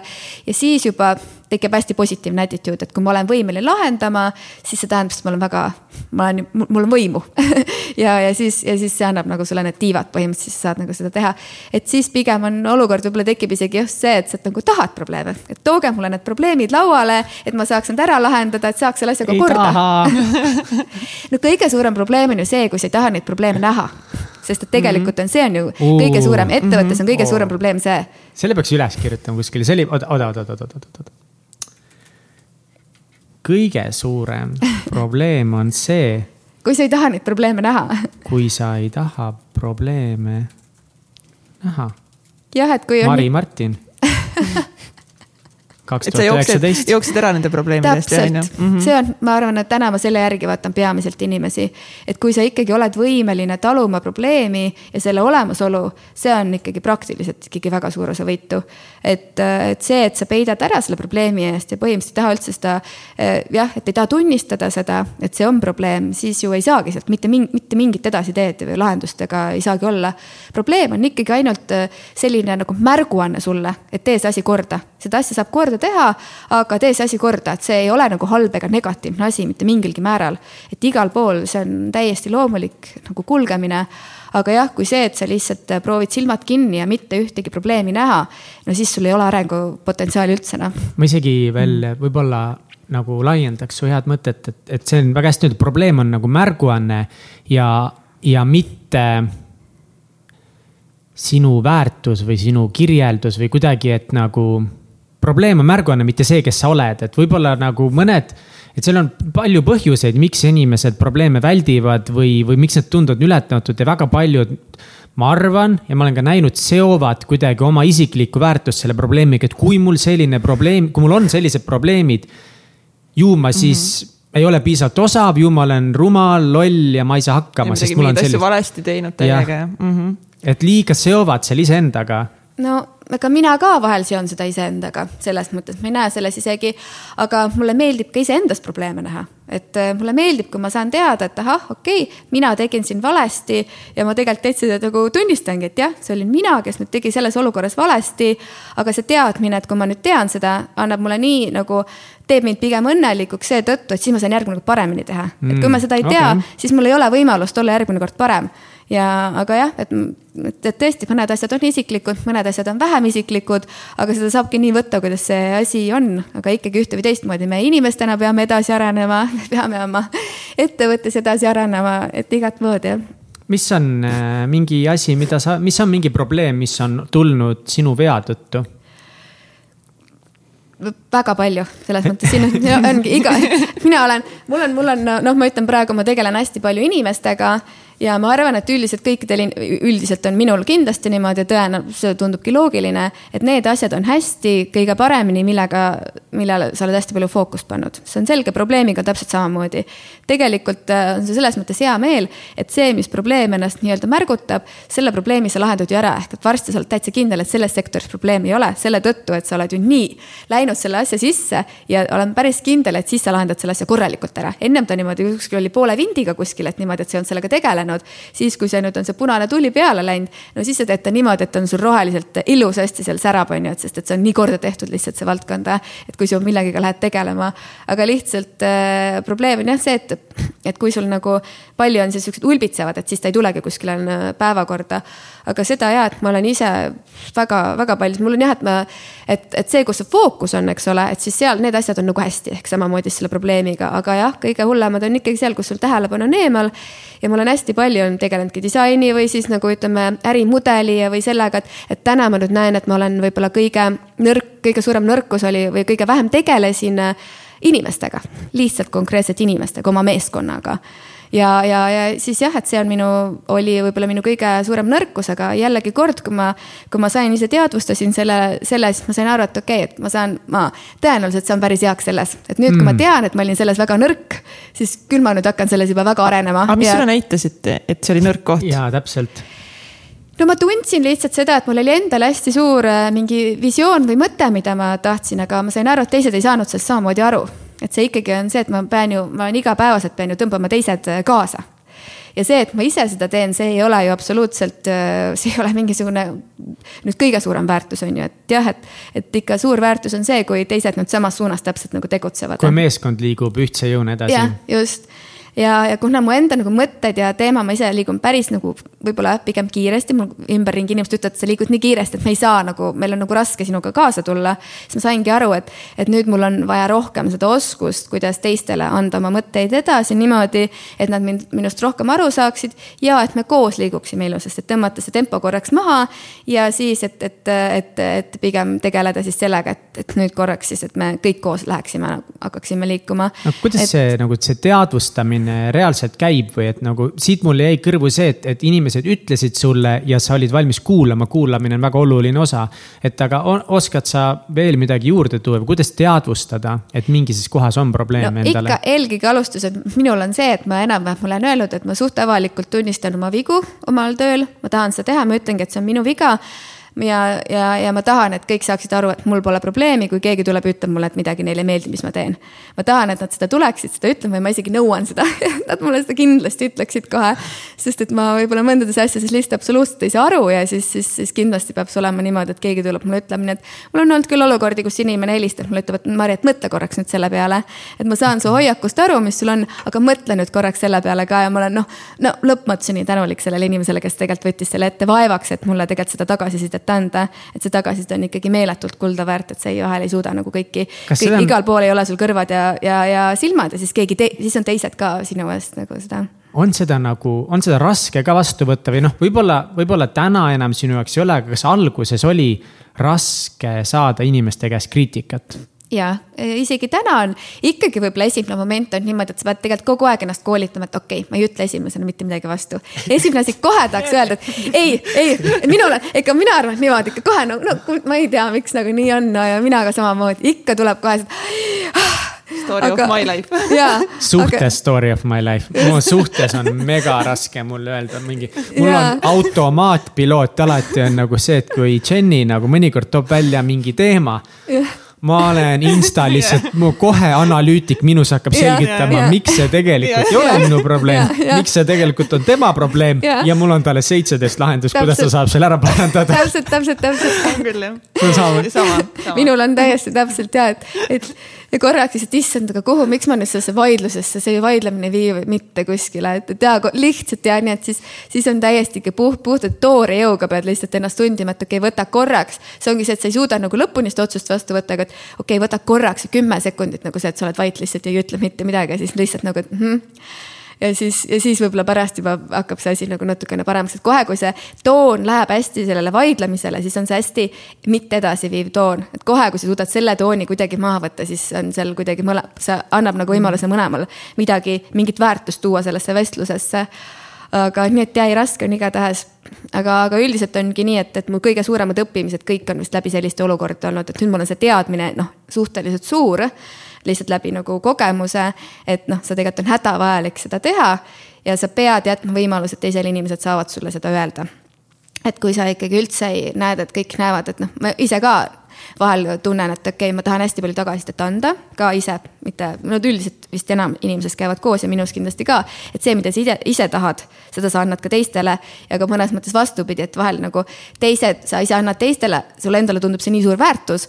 aga teised noh, ei saa seda samamoodi aru, on ju, et selles mõttes, et see on see kõik see ikkagi lähtub meist endast, et me proovime teistega käituda nii, nagu sa tahad, et sinuga käitutakse ja igatahes mina tahan ka teistele väga seda tagasisidet anda ja tööl eriti on ju, ma tunnen, et see on kohe minu nagu ülesanne ja kohustus kõigile seda tagasisidet anda. aga noh, siin on muidugi key, mis on nüüd inimeste, et kuidas sa seda annad et mina olen ühtemoodi inimene, mina har olen harjunud nagu igasugusel brutal moel saama tagasisidet, mind nagu see väga palju ei häiri, noh. tegelikult siiski, ma arvan, et targem on see inimene, kes oskab ilusasti tagasisidet anda. aga vahel ma olen ka tänulik sellisele täitsa brutal tagasisidele, et, et ma nagu ma jah, et ma päris nagu ahastusse ei satu, kui keegi mulle ikkagi nagu väga halvasti ütleb ma nii palju lihtsalt teen järeldusi, et võib-olla ma kogu aeg ei puutu selle inimesega kokku, aga midagi ma sealt kuulen ära, kui seal ikkagi midagi oli, siis isegi siis, kui see oli pahasti öeldud, siis ma kuidagi mingisuguse tõetera proovin sealt leida. Aga, aga üldiselt on see suhteliselt oluline asi, et kuidas öelda ja ma arvan, et see nüüd on minu õppimiskõver nagu kogu aeg, mida ma tiimiga, et. et mitte see, et ma tahan nüüd kõik välja öelda tõesti hea tahtega, et see asi saaks nagu paremaks. et rohkem, et kuidas seda öelda ja aru saada, et erinevad inimesed vajavad erinevat lähenemisviisi. et sa mitte ei ole, et ei ütle ühele inimesele, kõigile inimestele tegelikult ei ütlegi samamoodi. et, et siis proov-, täna ma nagu kaardistan päris palju, et kuidas, kuidas see nagu, sest ikkagi minu eesmärk ei ole mitte see väljaütlemine, muidu olen iseenda jaoks nagu selle välja mõelnud, vaid see, mis seal peale, mis peale seda väljaütlemist juhtub ja, ja yeah, siis, ja siis, ja siis ma, siis ma nüüd proovin kogu aeg mõelda, et okei okay,, et see tulemus on siin. mismoodi ma pean seal seda asja niimoodi tegema, et see jõuaks sinna, kus yeah. ma tahan ikkagi. tegelikult on mega lihtne käia ringi ja lihtsalt öelda, mida kõik valesti teevad, sest ma ju aitan kõiki, ma ju aitan sind, on ju. ja täpselt. ja Gert lihtsalt vaatab praegu mulle otsa ja tahab mind mingi silmadega ära killida. ma olin, ma olin varem ikka päris hull sellest, nagu kui me koos monteerisime. me ei olnud isegi veel suhtes, siis sellist mingi noh, teeb mingit nagu loob mingit konkreetset mingit videot, monteerib mingit saadet, mis iganes on ju. täiega valmis, siis ma lähen kohale ja vaatan ja siis mis sitt see on nagu yeah.. nagu nüüd nagu mingi nagu ma olin siis kohe emotsiooniga nagu what the, nagu what the fuck yeah,, see on valesti, see on valesti nagu see, mis nagu mingi, mida sa teinud oled yeah, siin seitse yeah. tundi vaata nüüd ma olen juba õppinud, et okei okay,, et ma olen, oh kuule päris hea, et noh, ei kuule, super, väga hea, kuule, kuule. ja aga, siis lähed kuidagi nagu. ja mina ei ole maasterinud, seda ei ole, mul ikka tuleb neid momente, kus mul tuleb kõik see plahvatab välja nagu kõik need, et aga ja kogu aeg proovida ennast taltsutada, et see on küll sihuke missioon. kuule, mu kuulajad lihtsalt nõuavad nüüd eh, mine oma hingesoppe ja too meile üks lugu, kui sa plahvatasid kellegi peale oh-oh-oo oh. oh no näiteks tegelikult mul on üks parim äh, selles mõttes töötaja täna, aga, aga mul oli olukord, kus äh, ja ma ikkagi ei olnud üldse, ma olin ta pannud mingisugusesse rolli, ma ei olnud üldse tema nagu inimesena tema peale nagu väga palju niimoodi. ja varem ma ei osanudki üldse nii palju asju analüüsida, igatahes oli tal mingi rolli ootuse pandud ja, ja siis mina ootasin kogu aeg sealt ainult tulemusi. tahtsin ja tulemusi selliselt ei tundnud, nagu ma tahtsin. loomulikult olen ma kohe sellest häiritud ja siis ikka ühte teistmoodi proovisin aidata, ei tema selle tulemuseni samamoodi ei, ei jõudnud. ja ikka seal igat moodi põhimõtteliselt nagu rääkisin, koheselt ütlesin oma need arvamused välja ja, ja niimoodi, et, et ikka, et tulemuseni jõuda aga, aga siis, aga siis jah, ma ütleme nii, et see ei, see vestlus ju ei viinud sellepärast kuskile, et kui sa oled sellise meelestatusega, vahel sa võtad ka võib-olla teiselt inimeselt selle võimaluse ära nagu hakata kaasa mõtlema. igatahes siis äh, oligi, mul õhtul tegi siis teine inimene mulle kõne kes väga hästi nagu tunneb mind ütles, et jah, et sul oli tegelikult väga õigus kõikides nendes asjades, mis sa ütlesid. ja see oli kõik väga loogiline ja tõesti, tulemused ei ole ju need, mis sa ootad ja niimoodi, aga. aga et mõtle, vaata korraks, et, et, et vaata korraks ta läbi ja mõtle, et kas tal ei ole mingeid muid andeid ja, ja siis mul oligi, siis ma mõtlesin tõesti, et ma vaatan, et, et mis, mis siis see inimene ise nagu endast kujutab, et, et, et miks minu ootused üldse talle on sellised, kas mul oli alust arvata, et temal on tulemus tuleb selline, et ja siis, ja siis ma nagu vaatasin, mõtlesin, et jah, et väga selles mõttes ja, et need ootused olid nüüd, kui ma vaatan, analüüsin selle asja läbi, siis, siis ma isegi saan aru, et tal võib-olla ei ole eelduseid sellisteks tulemusteks. aga tal on eeldused hoopis teistsugused ja nüüd täna me oleme ta pannud äh, ise nagu teise rolli ja mm et noh, ma arvan, et selles rollis on ta kõige tugevam. et ma andsin talle, läksin tagasi, ütlesin, et okei okay,, et räägime korraks nüüd uuesti, et nüüd, nüüd ei ole ainult mina see, kes siin analüüsib, et ma vabandan. et, et, et aga korraks mõtle ise ka, et millest sina tunned, et sa oleksid tugev ja kuhu, et, et, et mis, mis lisandväärtust sina oskaksid panna, et needsamad tulemused, mida me tahame, tuleksid võib-olla teisest kohast Need ja... tööandjad, kes niimoodi suhtuvad töötajatesse, oh my god, sa, see on nii tore, see on nii hea, et kui reaalselt Äh, töötajatesse suhtutaksegi niimoodi või noh, meeskonda, ma ei taha nüüd mm. kasutada töötajat, meeskond suhtutaksegi niimoodi, et. et kui keegi ühes rollis ei toimi, et ei viska minema, vaid et nagu okei okay,, et äkki me oleme panta valesse kohta see on väga võimas. aga lihtsalt äh, tal oli, on, ta on väga suur anne ja, ja ongi, et nüüd, nüüd ikkagi ta on saanud oma seda annet kasutada, kui ta ise saab kaasa mõelda, kus tal see anne on ja kuhu ta tahab areneda, et see on ikkagi üldiselt, sul ei saa tulla tulemusi, kui inimene ei taha seda asja teha mm. -hmm. kui sa surud ja surud ja surud teda, siis ne, et noh, siis, siis tegelikult sa oled lihtsalt tugevam osapool, aga et see suru, survestamine ei vii sind tegelikult kuskile et, et sa ei saa ühtegi nagu kedagi nagu ikkagi lõpuni ära survestada, et siis ja et mis siis, et ta nagu ei ütle sulle seda välja või noh, niimoodi, et ta ei ole nõus, aga, aga ikkagi, et põhimõtteliselt ei liigu, et ta lihtsalt ei tegutse sellises suunas.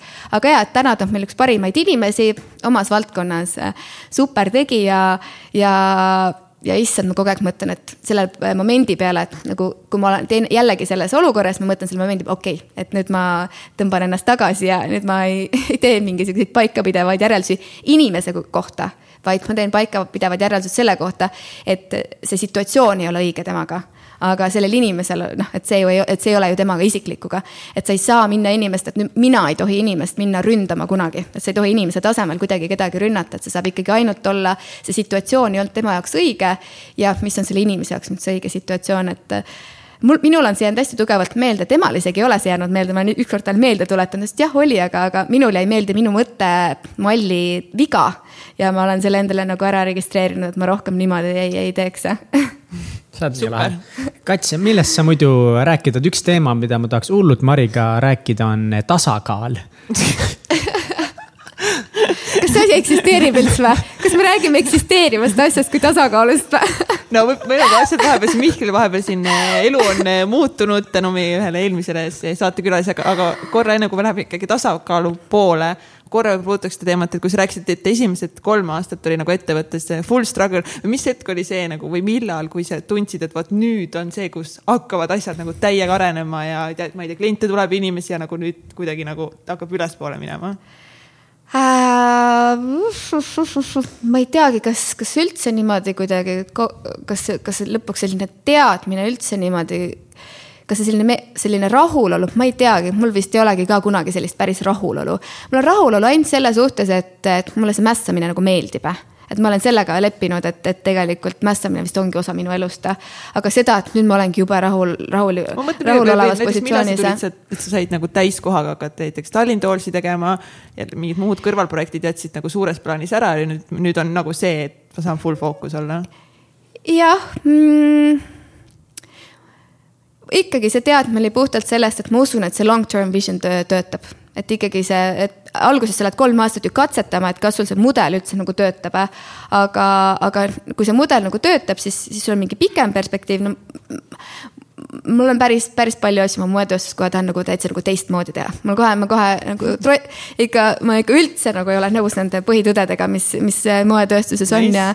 ja, ja selles mõttes ma, ma kohe, kohe, kohe väga olen põnevil, et, et samm-sammult järjest iga, iga see väike klotsikene sealt ära tõmmata, et nii, nii, niimoodi need asjad ikkagi tegelikult ikkagi ei võiks või ei peaks olema.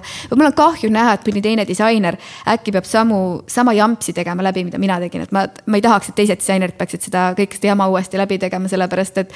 et ma tegelikult kogesin ikkagi, et väga paljud asjad olid seal alguses protsessides ikkagi suht mõttetud, et need oleks saanud palju lihtsamini teha ja täna me tahame, teemegi, proovimegi neid lihtsamaks teha et, äh, et ja kui sa ikkagi, sa saad aru, et sul see mõtteviis on õige, kui saad esimese kinnituse, et jah, sul on alus mingite asjade mõtlemiseks, ega mina ka ju ei teadnud, miks ma niimoodi mõtlesin ja ma mõtlesin, et tõenäoliselt ma mõtlen valesti lihtsalt. ma mõtlen küll nii, mul ei ole täna lõputut kogemust, aga võib-olla ma mõtlen valesti, ma ju annan endale võimaluse, et ma võingi mõelda valesti ja võibki olla olukordi, kus sa, kus mitmeid olukordi ongi olnud, kus ma olen mõelnud ka valesti. ja siis ma olen ümber mõelnud selle asja, et see, et sa kogu aeg oma asju ümber mõtled, see on ülinormaalne. aga läbi kõigest. testimise, et ma saan aru, et sa ikkagi testid ja, ja pigem nagu ma arvan, soovitad kõikidele, mina soovitasin ka tegelikult, et nagu mm. testida kõike yeah., mitte niisama arvata, testida ja teha järeldusi. aga kui need esimesed testid olid tehtud või ütleme, see kolm aastat mm -hmm. oligi nii-öelda esimene test, siis ma sain aru, et ahah, okei okay,, et, et mul oli alust arvata, mu mõtteviisil on alust et ma ei mõtle nagu, et see asi ei ole lihtsalt niisama kuskilt tekkinud.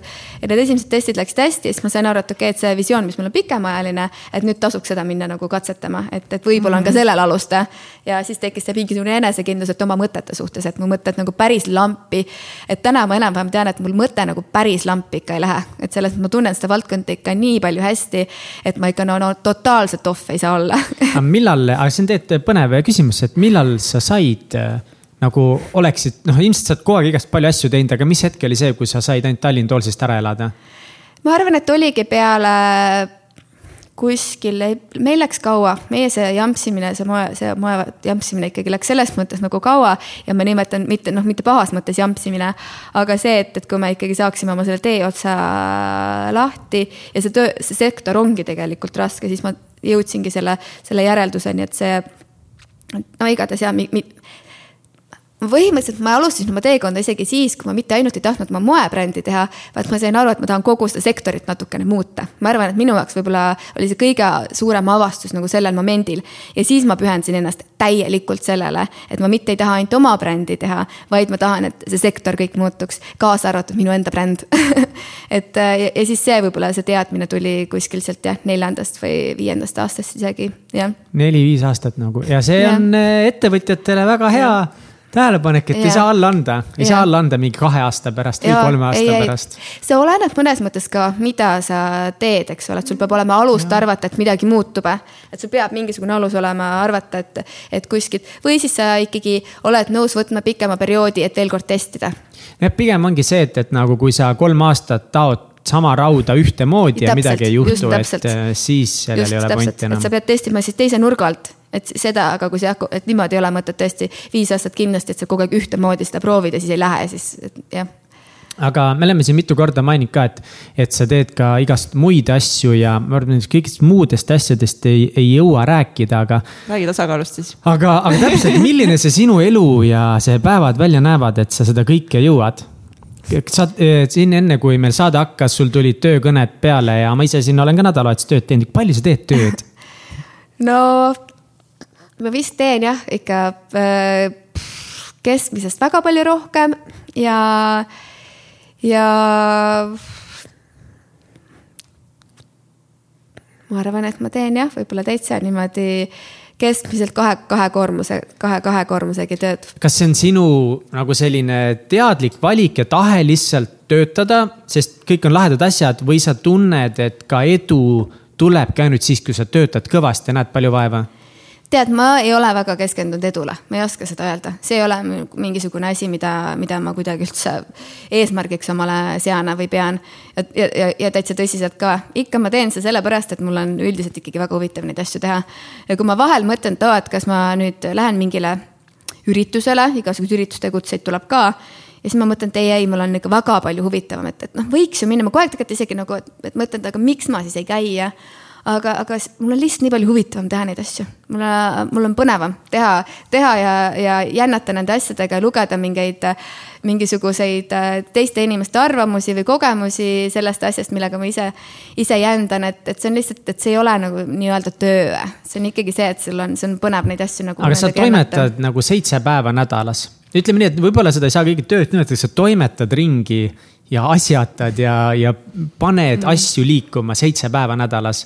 Mingi kümme tundi päevas või? ma ei tea, kas seitse, pigem ma teen isegi võib-olla mingil ajal pikemaid päevi, ma olen hästi selles mõttes ebastabiilne, et ma võin mingi aeg teha ikkagi väga intensiivselt ja siis, siis pigem, et mul on niimoodi, et mul ei ole mingi sihuke väga selline kogu aeg pidev äh, graafik. et ma ikka järgin küll, et ma ei, ma arvan, et ma arvan, ma oskan päris hästi nagu niimoodi fun ida ka, kui on vaja, et, et mul see oskus on olemas, et ma ei ole seda päris ära unustanud. et siis, kui ma tunnen, et mul on vaja, siis ma ikkagi võtan selle aja. ma sellepärast armastan olla ettevõtja, et ma ikkagi kuulan, mida ma järsku tahan ja siis ma käin ju päris palju reisimas ja, ja, ja ära, et, et mulle, minu jaoks ei ole üldse raske olla reisil ja samal ajal olla äh, kogu aeg kättesaadav ja midagi toimetada, see ei ole minu jaoks probleem. no minu hin... jaoks ka mitte, ega ma saan Egerti käest kogu aeg pähe selle eest. aga kas sa ei tunne, et sa vahepeal pead lihtsalt nagu puhkama selles mõttes, et nüüd ei tee mitte midagi ja vaatad merd? Aga ma arvan, et see ongi siis probleem, siis ei saagi tööd teha, ma olen öelnud ka, et kui see on ikkagi töö tegemine on sinu jaoks nii suur töö mm, -hmm. siis on see, siis, siis, siis, siis see ongi nagu stressi tekitav. aga mina, mina ei võta seda töö tegemist sellise või mitte ma ei võta, vaid mitte, et ma oleks seda teadlikult kuidagi teinud, et mul lihtsalt ei ole, minu jaoks töö tegemine ei ole selline asi, mida ma nüüd eri, eraldan või eristan kuidagi oma muust elust, et, et vot nüüd ma teen tööd ja nüüd ma, mul on, ma samal ajal proovin ikka nalja visata ja, ja siis samal ajal mingeid asju ka teha, et minu jaoks, minu jaoks ei ole see seal mingit seina vahel. ehk et kui ma istun kuskil et... Uh. basseini ääres ja mulle keegi kirjutab, siis ma hea meelega kohe vastan ja ma hea meelega kohe võtan selle kõne ja kui on mingi jube jämm, siis mul pole ka üldse küsimust, ahah, okei okay,, nagu räägime siis ära selles ja. ja kuidagi järgmine hetk ma võin väga rahulikult minna, võtta selle kokteili ja davai, noh, mis me siis äia. et mul ei ole, et mul ei ole sellist, sellist nagu, et see ei ole minu jaoks selles mõttes raske, seetõttu kuna ta ei ole, siis seetõttu ma olen sellises olukorras, kus ma olen. et, et, et selles mõttes ma ei näe nagu, mul ei ole endal sellist jah probleemi. nii, okei okay,, aga see viib mind kahe jätkuküsimuse juurde. esiteks nagu see, et, et kas sa kunagi ei tunne hommikuti või, või mingitel hetkedel, aa, ma lihtsalt ei viitsi. ja teine on, sa pead nüüd kohe kaks küsimust ära vastama, sest ma ei suuda, on ju. teine on see, et ähm, oota, mis see teine oli, ei, ma tean küll, oodake kõik, nii. teine ah,, teine on see, et kas sa, kas sul on võimalus alati siis valida, et sa teed ainult asju, mida sa tahad teha? nii, seda esimene küsimus, mul on neid momente loomulikult ja, ja täiega on ikka momente, kus ma ei viitsi teha, aga jah ja siis on mul vahel ikkagi see, et kui ma tunnen, et ma absoluutselt ei viitsi teha, siis on ka momente, kus ma tegelikult ka ei tee korraks midagi. ja siis ma võtan selle aja maha, sest et ma saan aru, et siis, kui mul on ikkagi, mul meelestatus on vale, ega ma siis midagi ei tee ja siis ma ikkagi korraks, on neid momente küll, kus ma, ja üldiselt ma olen ikkagi mingitel momentidel stuudiost päris eemal ka. ja siis ma kuidagi elan teises rütmis, et ma, et seda, et hoida iseennast lainel, see on ikka täitsa kogu aeg su enda kuidagi sihuke sisetunde küsimus, et see ei olegi mingit ühte reeglit, siis kuidagi kogu aeg jälgid, et sa, et kui sa üldse lainel ei ole, siis see te tegemine on täitsa mõttetu, nii et seda ma olen otsustanud, et pole mõtet aega enda ja teiste aega raisata. et kui üldse lainet peal pole, siis pole mõtet ka ennast nagu survestada. muidugi vahel peab mingi asja ära tehtud saama, aga see on täitsa eri, eraldi asi, kas sa teed midagi ära mis on küll ka suur väärtus, aga kaugeltki mitte see väärtus, kus sa midagi ikkagi mõnes mõttes nagu, ma ei mõtle ainult, et disaini mõttes lood, vaid üldse nagu proovid mingit uut asja, kus sa pead väga suure nagu lisapanuse või lisaenergia andma. et noh, sellist asja pole üldse mõtet teha, kui sul pole, pole nagu sellel lainel. et, et siis, siis jah, neid momente on väga palju, et täitsa ma ei viitsi praegu ja ma ei suuda ja mul ei ole mõte sellel kohal ja üldiselt ikkagi, kui sa tahad midagi teha, siis su mõte peab seal kohal olema, siis muidu sealt tulemust ei tule. et ikkagi, kas sa siis oskad ennast niimoodi koheselt lainestada. väga paljudel kordadel ma suudan ennast lainestada ümber, aga kui ma ei suuda üldse, siis ma, siis ma ei saa sellega tegeleda ka, et. aga mis sa ma... siis teed? näiteks kasvõi, kui ma, kuidas mul, ma lõpetasin ära nende ürituste korraldamise ma selgelt tundsin, et mul oli enamus aega oli selline, et ma ei viitsi no oligi, tekkiski selline, ma olin neid asju teinud, ma ei näinud siin enam endale mingit väljakutset, mingit kasvamisruumi äh, see ei olnud mulle huvitav, ma tahan ainult teha neid asju, kus ma näen, et on järgmine samm, kus on huvitav, see kuidagi kerib ja hargneb ja ma tahan siukseid asju teha. ja, ja seal ma ei näinud üldse mingit huvitavat layer'it enda jaoks, lihtsalt kütta neid samu show sid, samad kontseptsioonid. et äh, ja siis ma andsin endale aru, et okei okay,, mul pole rohkem seda mõtet teha, ma nüüd lõpetan ära, kas sa annad selle asja kellelegi teisele või noh, et siit ei tule mitte, siit ei tule enam head tulemust. Ja ma tean ju, et kui ma ei ole sellel lainel, siis siit midagi nagu kuidagi et, et noh, ongi, et siis sa otsustadki, miks sul ei ole, miks sa ei ole üldse lainel, kas see on nagu lihtsalt korraks ajutine asi või see on see, et tegelikult sul on kogu aeg ja siis, kui sul on kogu aeg selline asi, no siis sul ei ole mõtet sellega tegeleda. ehk et äh, siin on kaks varianti, kas sa selle asja kuidagi probleemi siis lõpe-, noh, leiad üles ja siis teed sellest mingid järeldused aga nii, et seda momenti ja siis on väikestel juhtudel on ju ka, et kui ei viitsi, siis lihtsalt saad aru, et okei okay,, aga lihtsalt mul on täna emotsionaalne olukord selline, noh, ma olen naisterahvas, mul on kõik emotsioonid lubatud. no meestel on ka samamoodi, aga, aga, aga selles mõttes, et ma täielikult, ma üldse ei häbene seda, et mul, et ma olen, on, on ka hetki, kus mul lihtsalt e-, iseenda isiklikest äh, asjadest lähtuvalt ma ei ole sellel lainel ja siis ma, siis ma tegelen sellega siis, kui ma olen, sest ma tean, et siis ma olen nii palju efektiivsem lihtsalt. et on paratamatus ja siis see asi, see ju ei ole, see ei ole probleem, ei ole selles sellest, et mul on mingi, et see asi mind häirib. mul lihtsalt see on minust endast ja küll ma siis sellest üle saan ja siis lähen järgmisena uuesti. et äh, kogu aeg on ikka hea, et kõik ei ole kogu aeg nii, et ainult nagu tead aga see on, see on cool, et ja põhimõtteliselt ma vist, sa vist tegelikult vastasidki selle teise küsimuse ka nagu ära, et, et, et sa väga ei teegi asju, mis sulle nagu noh üldse olemuslikult ei meeldi või et sa pigem validki projekte, milles sa näed väärtust. täielikult, täielikult. ühesõnaga, kui keegi pakub sulle midagi, et siis, siis alati teed sa valiku, kas sa ei, kas ma teen või ei tee, et kas ei ole nagu nii, et sa vahepeal tunned, okei okay,, ma nagu peaks seda tegema, ma ei taha teha, ma peaks tegema siis ma teen. või siis, kui ma ei taha teha, ma ei tee või kuidas see on?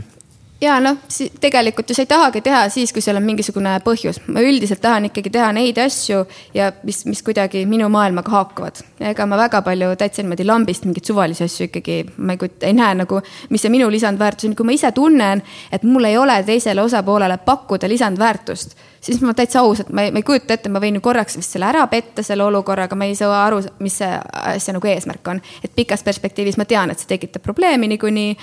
ja et igatahes seda asja, kus ma ei ole, millest ma ei ole ise huvitatud, mul ei ole kindlasti, igatahes ma ei tee neid asju, mis mulle ei meeldi jah.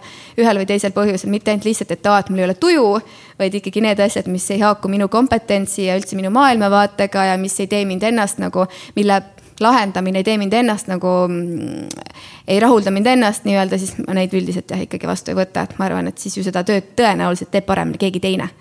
Et ma ikka tahaks seda teha, kus, kus mina olen ikkagi selles mõttes saan oma, oma või, või võimed nagu ära kasutada, nii et ma ei näe põhjust, miks teha neid asju, mis mis ei ole sinu tugevused ja, ja su, tavaliselt sulle ei meeldigi need asjad, kus sa ei tunne, et sa nagu või siis mulle meeldib seda tugevus või siis mul on teine variant, mulle meeldib teha midagi uut, kus ma saan õppida ja ma lähen selle perspektiiviga puhtalt ja selliseid asju ma teen, ma arvan, et pooled minu asjad on sellised, sest ma tahan kogu aeg õppida midagi ja siis ma tahan tõtata nendesse asjadesse, et lihtsalt äh, õppida ja võtta endale selline seisukoht, et ma olen seda nõus tegema ongi see eesmärgiga ja ma tean, et see tulemus on nagu niimoodi, et ma võin siis ise rohkem panustada, et ma ei ootagi, et keegi mulle seda kõike kuidagi kompenseeriks.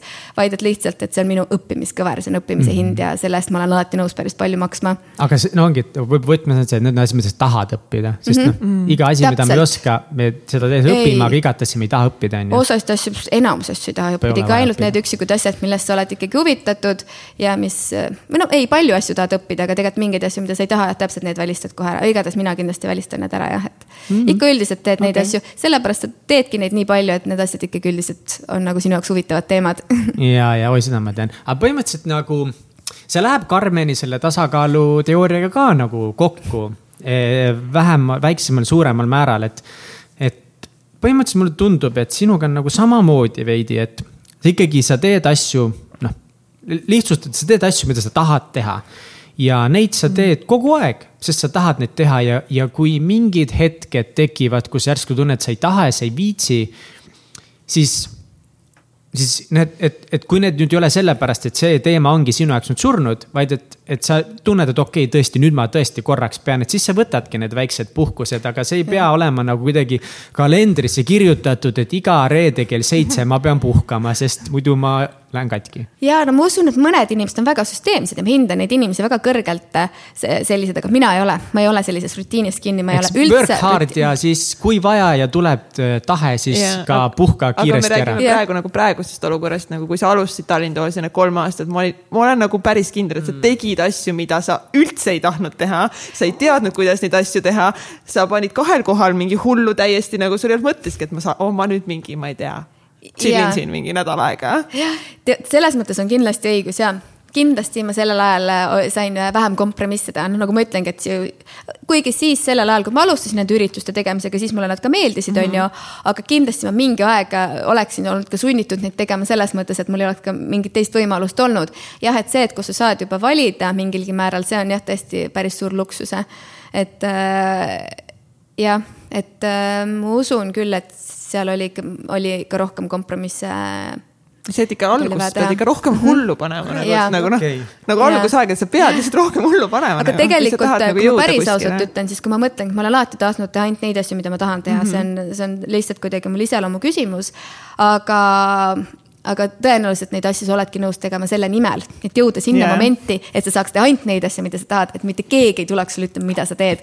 et, et põhimõtteliselt jah, sa oled nõus, et see, see ongi sinu see long term vision mm. -hmm. sa tahad sinna momenti jõuda ja siis sa oled nõus need alla neelama, sest sa tead, et ma teen seda ajutiselt. et okei okay,, praegu ma teen, sobib selle nimel, et kunagi nagu ma ei tee seda. et äh, põhimõtteliselt jah, ikka mingi eesmärgi nimel oled ikka vaata valmis äh, mm -hmm, tegema. mida sa oled ohverdanud äh mis on valdkonnad ja teemad ja asjad kõik, mida sa oled ohverdanud oma noh, ettevõtmiste nimel?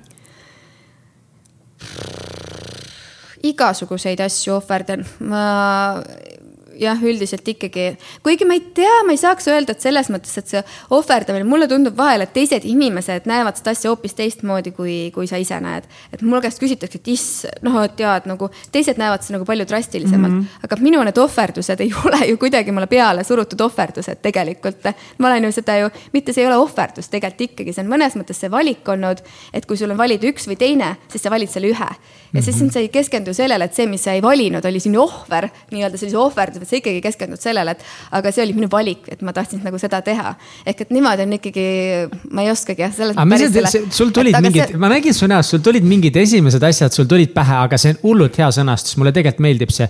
mis on need valikud, mida sa oled teinud, mida teised inimesed näevad kui ohverdused? no kogu aeg, et ma ju nii palju rohkem tegelen tööga kui keskmiselt, et siis jaa, ma selles mõttes, ma ei tea selliseid väga mingeid chill'e õhtuid ma teen, ma pigem jah, teen, siis ma võtan mingisuguse pikema perioodi vabaks. aga ma ei ole selline stabiilselt kogu aeg, et tead hirmsasti siin äh, kogu ma ei tea, käiksin mingitel üritustel ja oleks mingi sotsiaalselt hästi aktiivne. no ma ei ole mingi, mingil momendil üldse, ma võin olla mingi maa all mingi aeg ja täitsa rahulikult toimetada seal oma asju ja. ja siis, ja siis noh, siis, siis võtta see aeg, et okei okay,, et nüüd ma olen, et ma ei ole kättesaadav ka vahel, ma ei tea, mul siin tehakse küll kogu aeg ettepanekuid, üks õhtusöök või teine õhtusöök.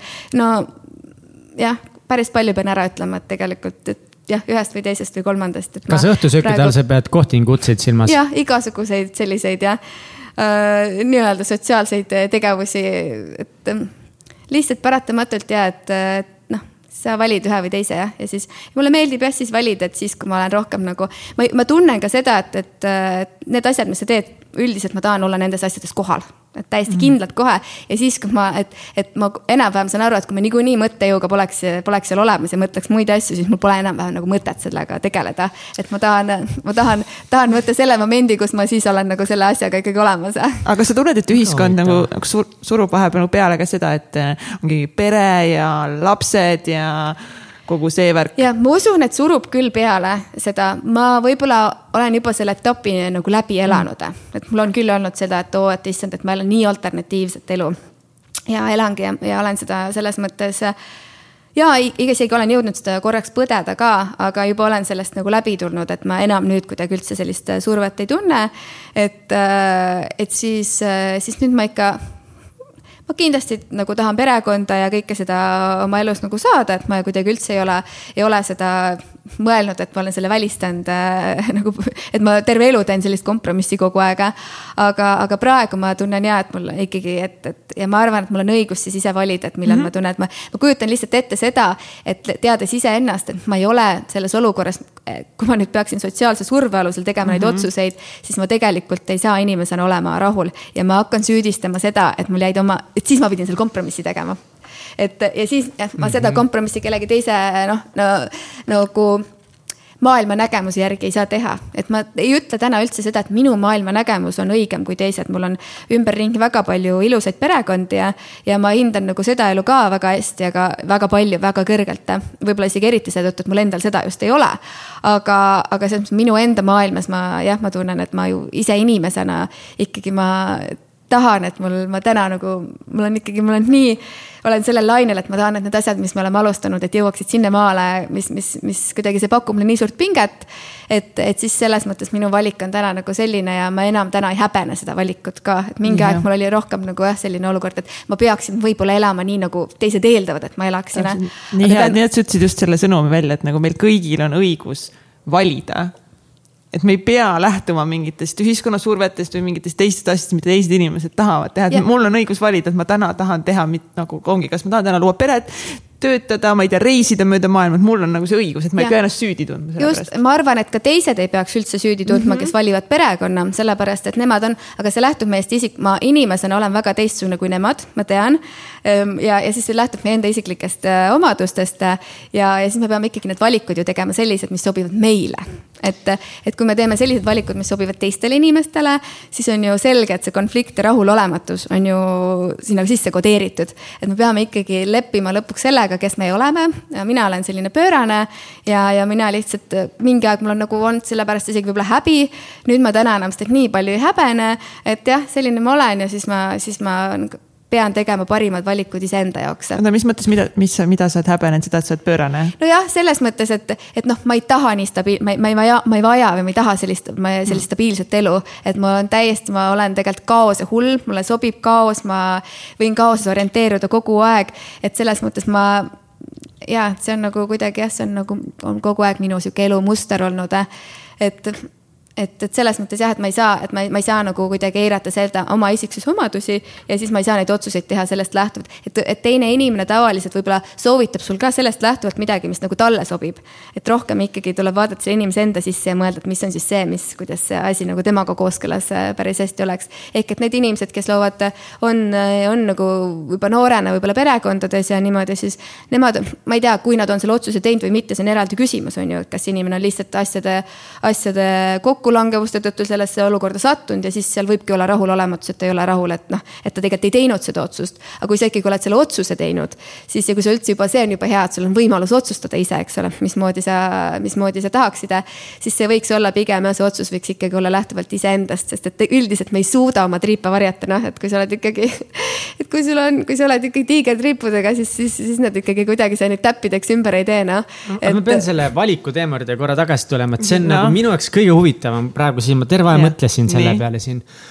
et ähm, miks sa arvad, et see on valik või miks sa arvad, et sa pead valima, no võtamegi näiteks selle lihtsa mm. näite siin, pere versus äri. vot tegelikult siin lasubki okay. see küsimus, mida ma olen oma peas mõelnud nii mm -hmm. pikalt ja, ja ka oma suhtes, et mm -hmm. miks see on valik no,? miks seal on valiku koht? No selles mõttes ma nüüd, mul ümberringi on perekonnad ja, ja ma ju näen, kui palju nad panustavad ja kuidas nad tegelevad oma nende perekondadega. ja täna nii, ma kujutan vahel ma isegi mingil määral võrdlen oma ettevõtet ja tiimi siis nagu perekonnaga. selles mõttes, et ma ka mõtlen kogu aeg selle peale, kuidas me saaksime seda parandada, kuidas ma saaksin oma inimesi ümberringi parandada, ma mõtlen nende probleemid läbi, et siis aa, et kas see nagu aitaks meil nagu edasi jõuda. ehk see on seesama asi, mu energia, mõtteenergia, noh, läheb sellesse samamoodi mul tegelikult on päris põnev vahel nagu perekondadega arutada, mu, mul, ma olen tädi ja siis ma vahel hoian oma õe lasta ja siis, ja siis arutada, et, et noh, samamoodi võib-olla on kuidagi kummaline võrrelda, aga jah, samamoodi siis mõeldakse selle arengu peale nagu lapsega, on ju, et sa mõtled selle peale. et aga see on ju paratamatult mingisugune ajaline, päris suuresti ajaline ressurss. et ma ju, nagu ma ütlesingi, et minu elu, ma ikkagi näen oma elus väga hästi, et, et see, kuhu sa oma energia paned mm., see õitseb. mõlem, see... mõlemat nagu mõlemasse ja. korraga sama palju aega panna ei saa. jah, just. ja ma ei taha täna sellist olukorda, kus ma olen rahulolematu ja süüdistan ennast, et, et see asi ei õitse. ja ma juba ju ette tegelikult tean, et need asjad ei õitse, kus sul see, kus sul see, kus su olemasolu ei ole olemas. ma kiidan sinu julgust olek ma kiidan väga sinu julgust ja selget mm -hmm. mõtlemist saada aru, kus tegelikult tuleb teha elus valik. ma väga mm -hmm. paljudes asjades eh, ei tee valikuid oma elus eh,, näiteks just nagu mingi erinevate hobide põhjal, sest ja. ma ei ole valmis vaatama tõele näkku, mis on realistlik, millega ma kuskil tegelen või lahti laskma millestki. ja tegelikult see pärsib, nagu ütlesid, et see, kuhu sa oma fookust paneb, see õitseb, aga kuidas sa kuidas sa nagu teed selle valiku, kuidas sa võtad selle julguse või selle selguse leppida ja, ja midagi valida? valida on väga raske. nojah, ongi jah, mõnes mõttes on raske ja et see on selge, et ega ju valikuid, valikud ei ole alati ideaalsed ei see, ole, nad ei ole kunagi ideaalsed, valikud on sitad alati. et aga ikkagi selles olukorras ju midagi kus, kuskile suunale nagu peab, et kui päris niimoodi iga, iga, iga asja vahel oled, et siis, siis on ju veel kõige raskem, et siis sa sikutad, siis nagu jah, et sa ennast päris igale suunale tükkideks nagu rebida ei saa ikkagi. et selles mõttes ja, et isegi siis, kui see valik ei ole nüüd ütleme jah Äh, parim, aga kui ta on ikkagi antud võimaluste juures enda jaoks parim, et siis, siis, siis jah, siis jah, kuidagi see, see teadmine ikkagi mingil määral rahustab Ah. ja isegi tegelikult see, et kui sa saad valikuid teha, ma ütlen, see on juba see teadmine, see on nagu sulle nii suur luksus. et pigem, et sa ei ole olukorda sattunud äh, kogemata. et see ei ole nii, et su elutee on lihtsalt läinud, et sa ikkagi oled mingisuguse, et, et sa omad mingilgi määral kontrolli oma elu üle. see on nagu natukene võib-olla ka selline, selline nagu asi, mis sind rahustab. You have to choose great things over good things, et on need kõik asjad on nagu head asjad, aga yeah. mingid asjad on nagu ei, seda küll, nagu yeah. mida ma vingun sinna, tõesti, mul on ka nagu head, nagu yeah. ongi, ma pean heade vahel valima yeah., aga neid yeah. on tihti raske teha, sest mm. teistpidi ma nagu noh seal ongi see, et, et sa pead mingi, kui sa ei pane ühte kohta piisavalt fookust, siis ei hakka õitsema. ja seal ongi yeah. lihtsalt see, et nagu tekib see hirm võib-olla, et noh, et. aga, aga... mina nagu ei muretse valikute pärast seetõttu või nii palju, et ega see ju valik ei ole mu terveks eluks tehtud. ma ei saa nagu, ma, ma isegi näe, suuda selles nagu väga suurt probleemi näha. ega ma ju tean, et kui ma oleks terveks eluks selle ära otsustanud, siis ma, siis ma võib-olla mõtleksin siin veel sada korda üle, on ju. et seda, et või noh, pigem ütleme niimoodi, et siis ma seda valikut ei teekski. aga, aga selles mõttes, et see ei ole ju ja, et seda valikut, see on, valik on ikkagi antud olukorras, antud hetkel. ja ma ju tean, et ma selle mingi hetkel ju teen selle valiku teistsuguse et, et lihtsalt, et selles mõttes ma ei näe selles nagu kuidagi nii tra suurt drastilisust uh, nii põnev uh., nii põnev, just üldse ei tahaks seda lõpetada. nii palju asju, millest tahaks veel rääkida korra, sinu elus ja küta, küta kats. korra just küsin, et mis nõu sa annaksid eh, kümme aastat nooremale iseendale?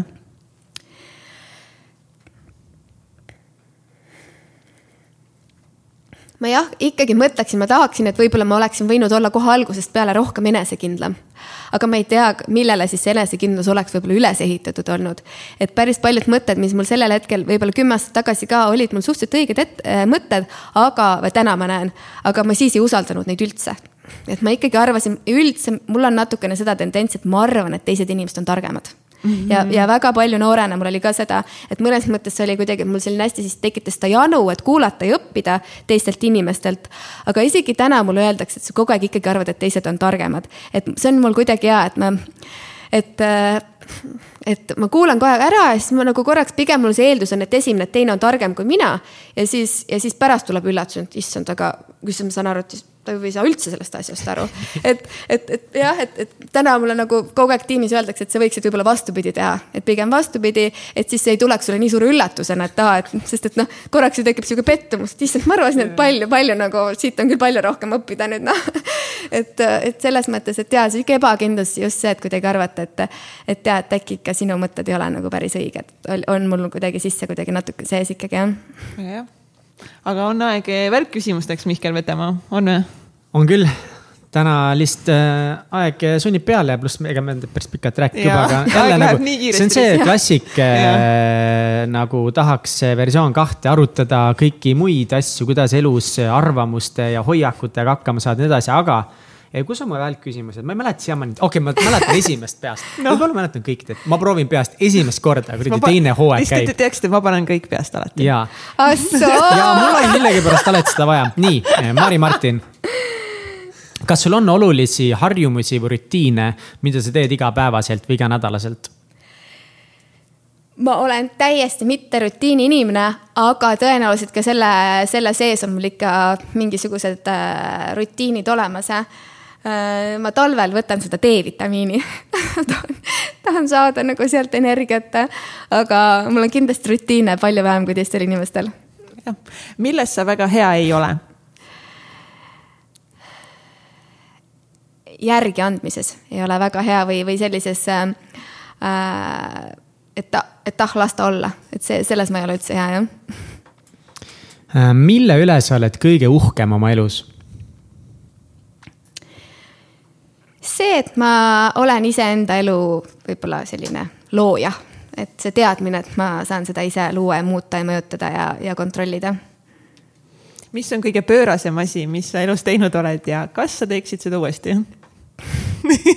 See on nii naljakas asi, ma, ma noh, juba ennem sai räägitud, aga neid spontaanseid asju teen tavaliselt kõik mu reisid on spontaansed, ma väga palju ei planeeri neid ette, mul sõbrad ka teavad, et mul on nii, et ma annan neile ette teada, et nüüd nädal aega, nüüd ma tulen. või, või siis, et kolm päeva ette, et ma tulen. nii et selles mõttes niimoodi ma olen reisinud igal pool, ma olen niimoodi läinud Brasiiliasse kuuks ajaks täiesti lampi ja niimoodi ma olen üldse igal pool käinud, et, et selles mõttes minu jaoks ei olegi enam pöörane, sest ma nii olen harjunud, aga teised on alati mega üllatunud, kust see nüüd siis jälle tuli ja et äh, jah, nii et noh, niimoodi kütan kogu aeg, et, et korraks tuleb mõte ja siis nüüd ma tahan ja siis ma lähen ja, ja sajan kuskile sisse lihtsalt. mis on edu võti hmm.? edu võti on jõuda selleni, et see, et sul on see võime aru saada, et, et äh, et äh, see ongi sinu superpower, probleemide lahendamine on sinu superpower. skaalal ühest kümneni, kui veider sa oled? üheksa koma üheksa vist, ma ei tea tõesti. Nice, jätame natuke arenguruumi ka ikka kunagi ei tohi maksimumi panna skaalades yeah., nagu, sest muidu sa nagu piirad ennast kasvamast. täpselt, äkki mul on veel võimalus veel pöörasemaks saada või normaalsemaks. Eh, kas ja kui palju sa loed raamatuid? ja pigem loen raamatuid ja ja viimasel ajal äh, igatahes, kui mul vaba moment on, siis ma, siis ma loen ja nädalavahetustel loen äh, ka viimane raamat, mis ma lugesin, oli see Ray Dalio Principles ja põhimõtteliselt kõik, iga lehekülje lugesin läbi, no nii kuradi meeldis ja huvitav. mõtlesin, et, et nii tore, et keegi nagu kirjutab need asjad ära, et nii mitu enda mõtet ka seal ja siis on nii, et aga vot jällegi, nagu ma juba ennem ütlesin, kui keegi teine kirjutab, siis on ikkagi veel õigem mõte nagu noh. too üks printsipal välja nendest kümnest, millega sa võib-olla kõige rohkem kuidagi resoneerusid. mulle meeldis väga, no ikkagi, kuna ma praegu olen fookusega meeskonna juures, siis mulle meeldisid kõik need meeskonna topikud, mis seal olid. mulle meeldisid hästi praktilised asjad, kõik need tarkvarad, mida nad, kuidas nad kasutavad meeskonna Äh, siis nagu hindamisel ja väga see, kuidas nad meeskonda valivad. et mis on need, et ikkagi täpselt nii, kuhu ma ise olen ka täna jõudnud, et need isiklikud omadused, ma juba ennem seda, kui ma seda lugesin, ma hakkasin tegema neid isiklike omaduste teste.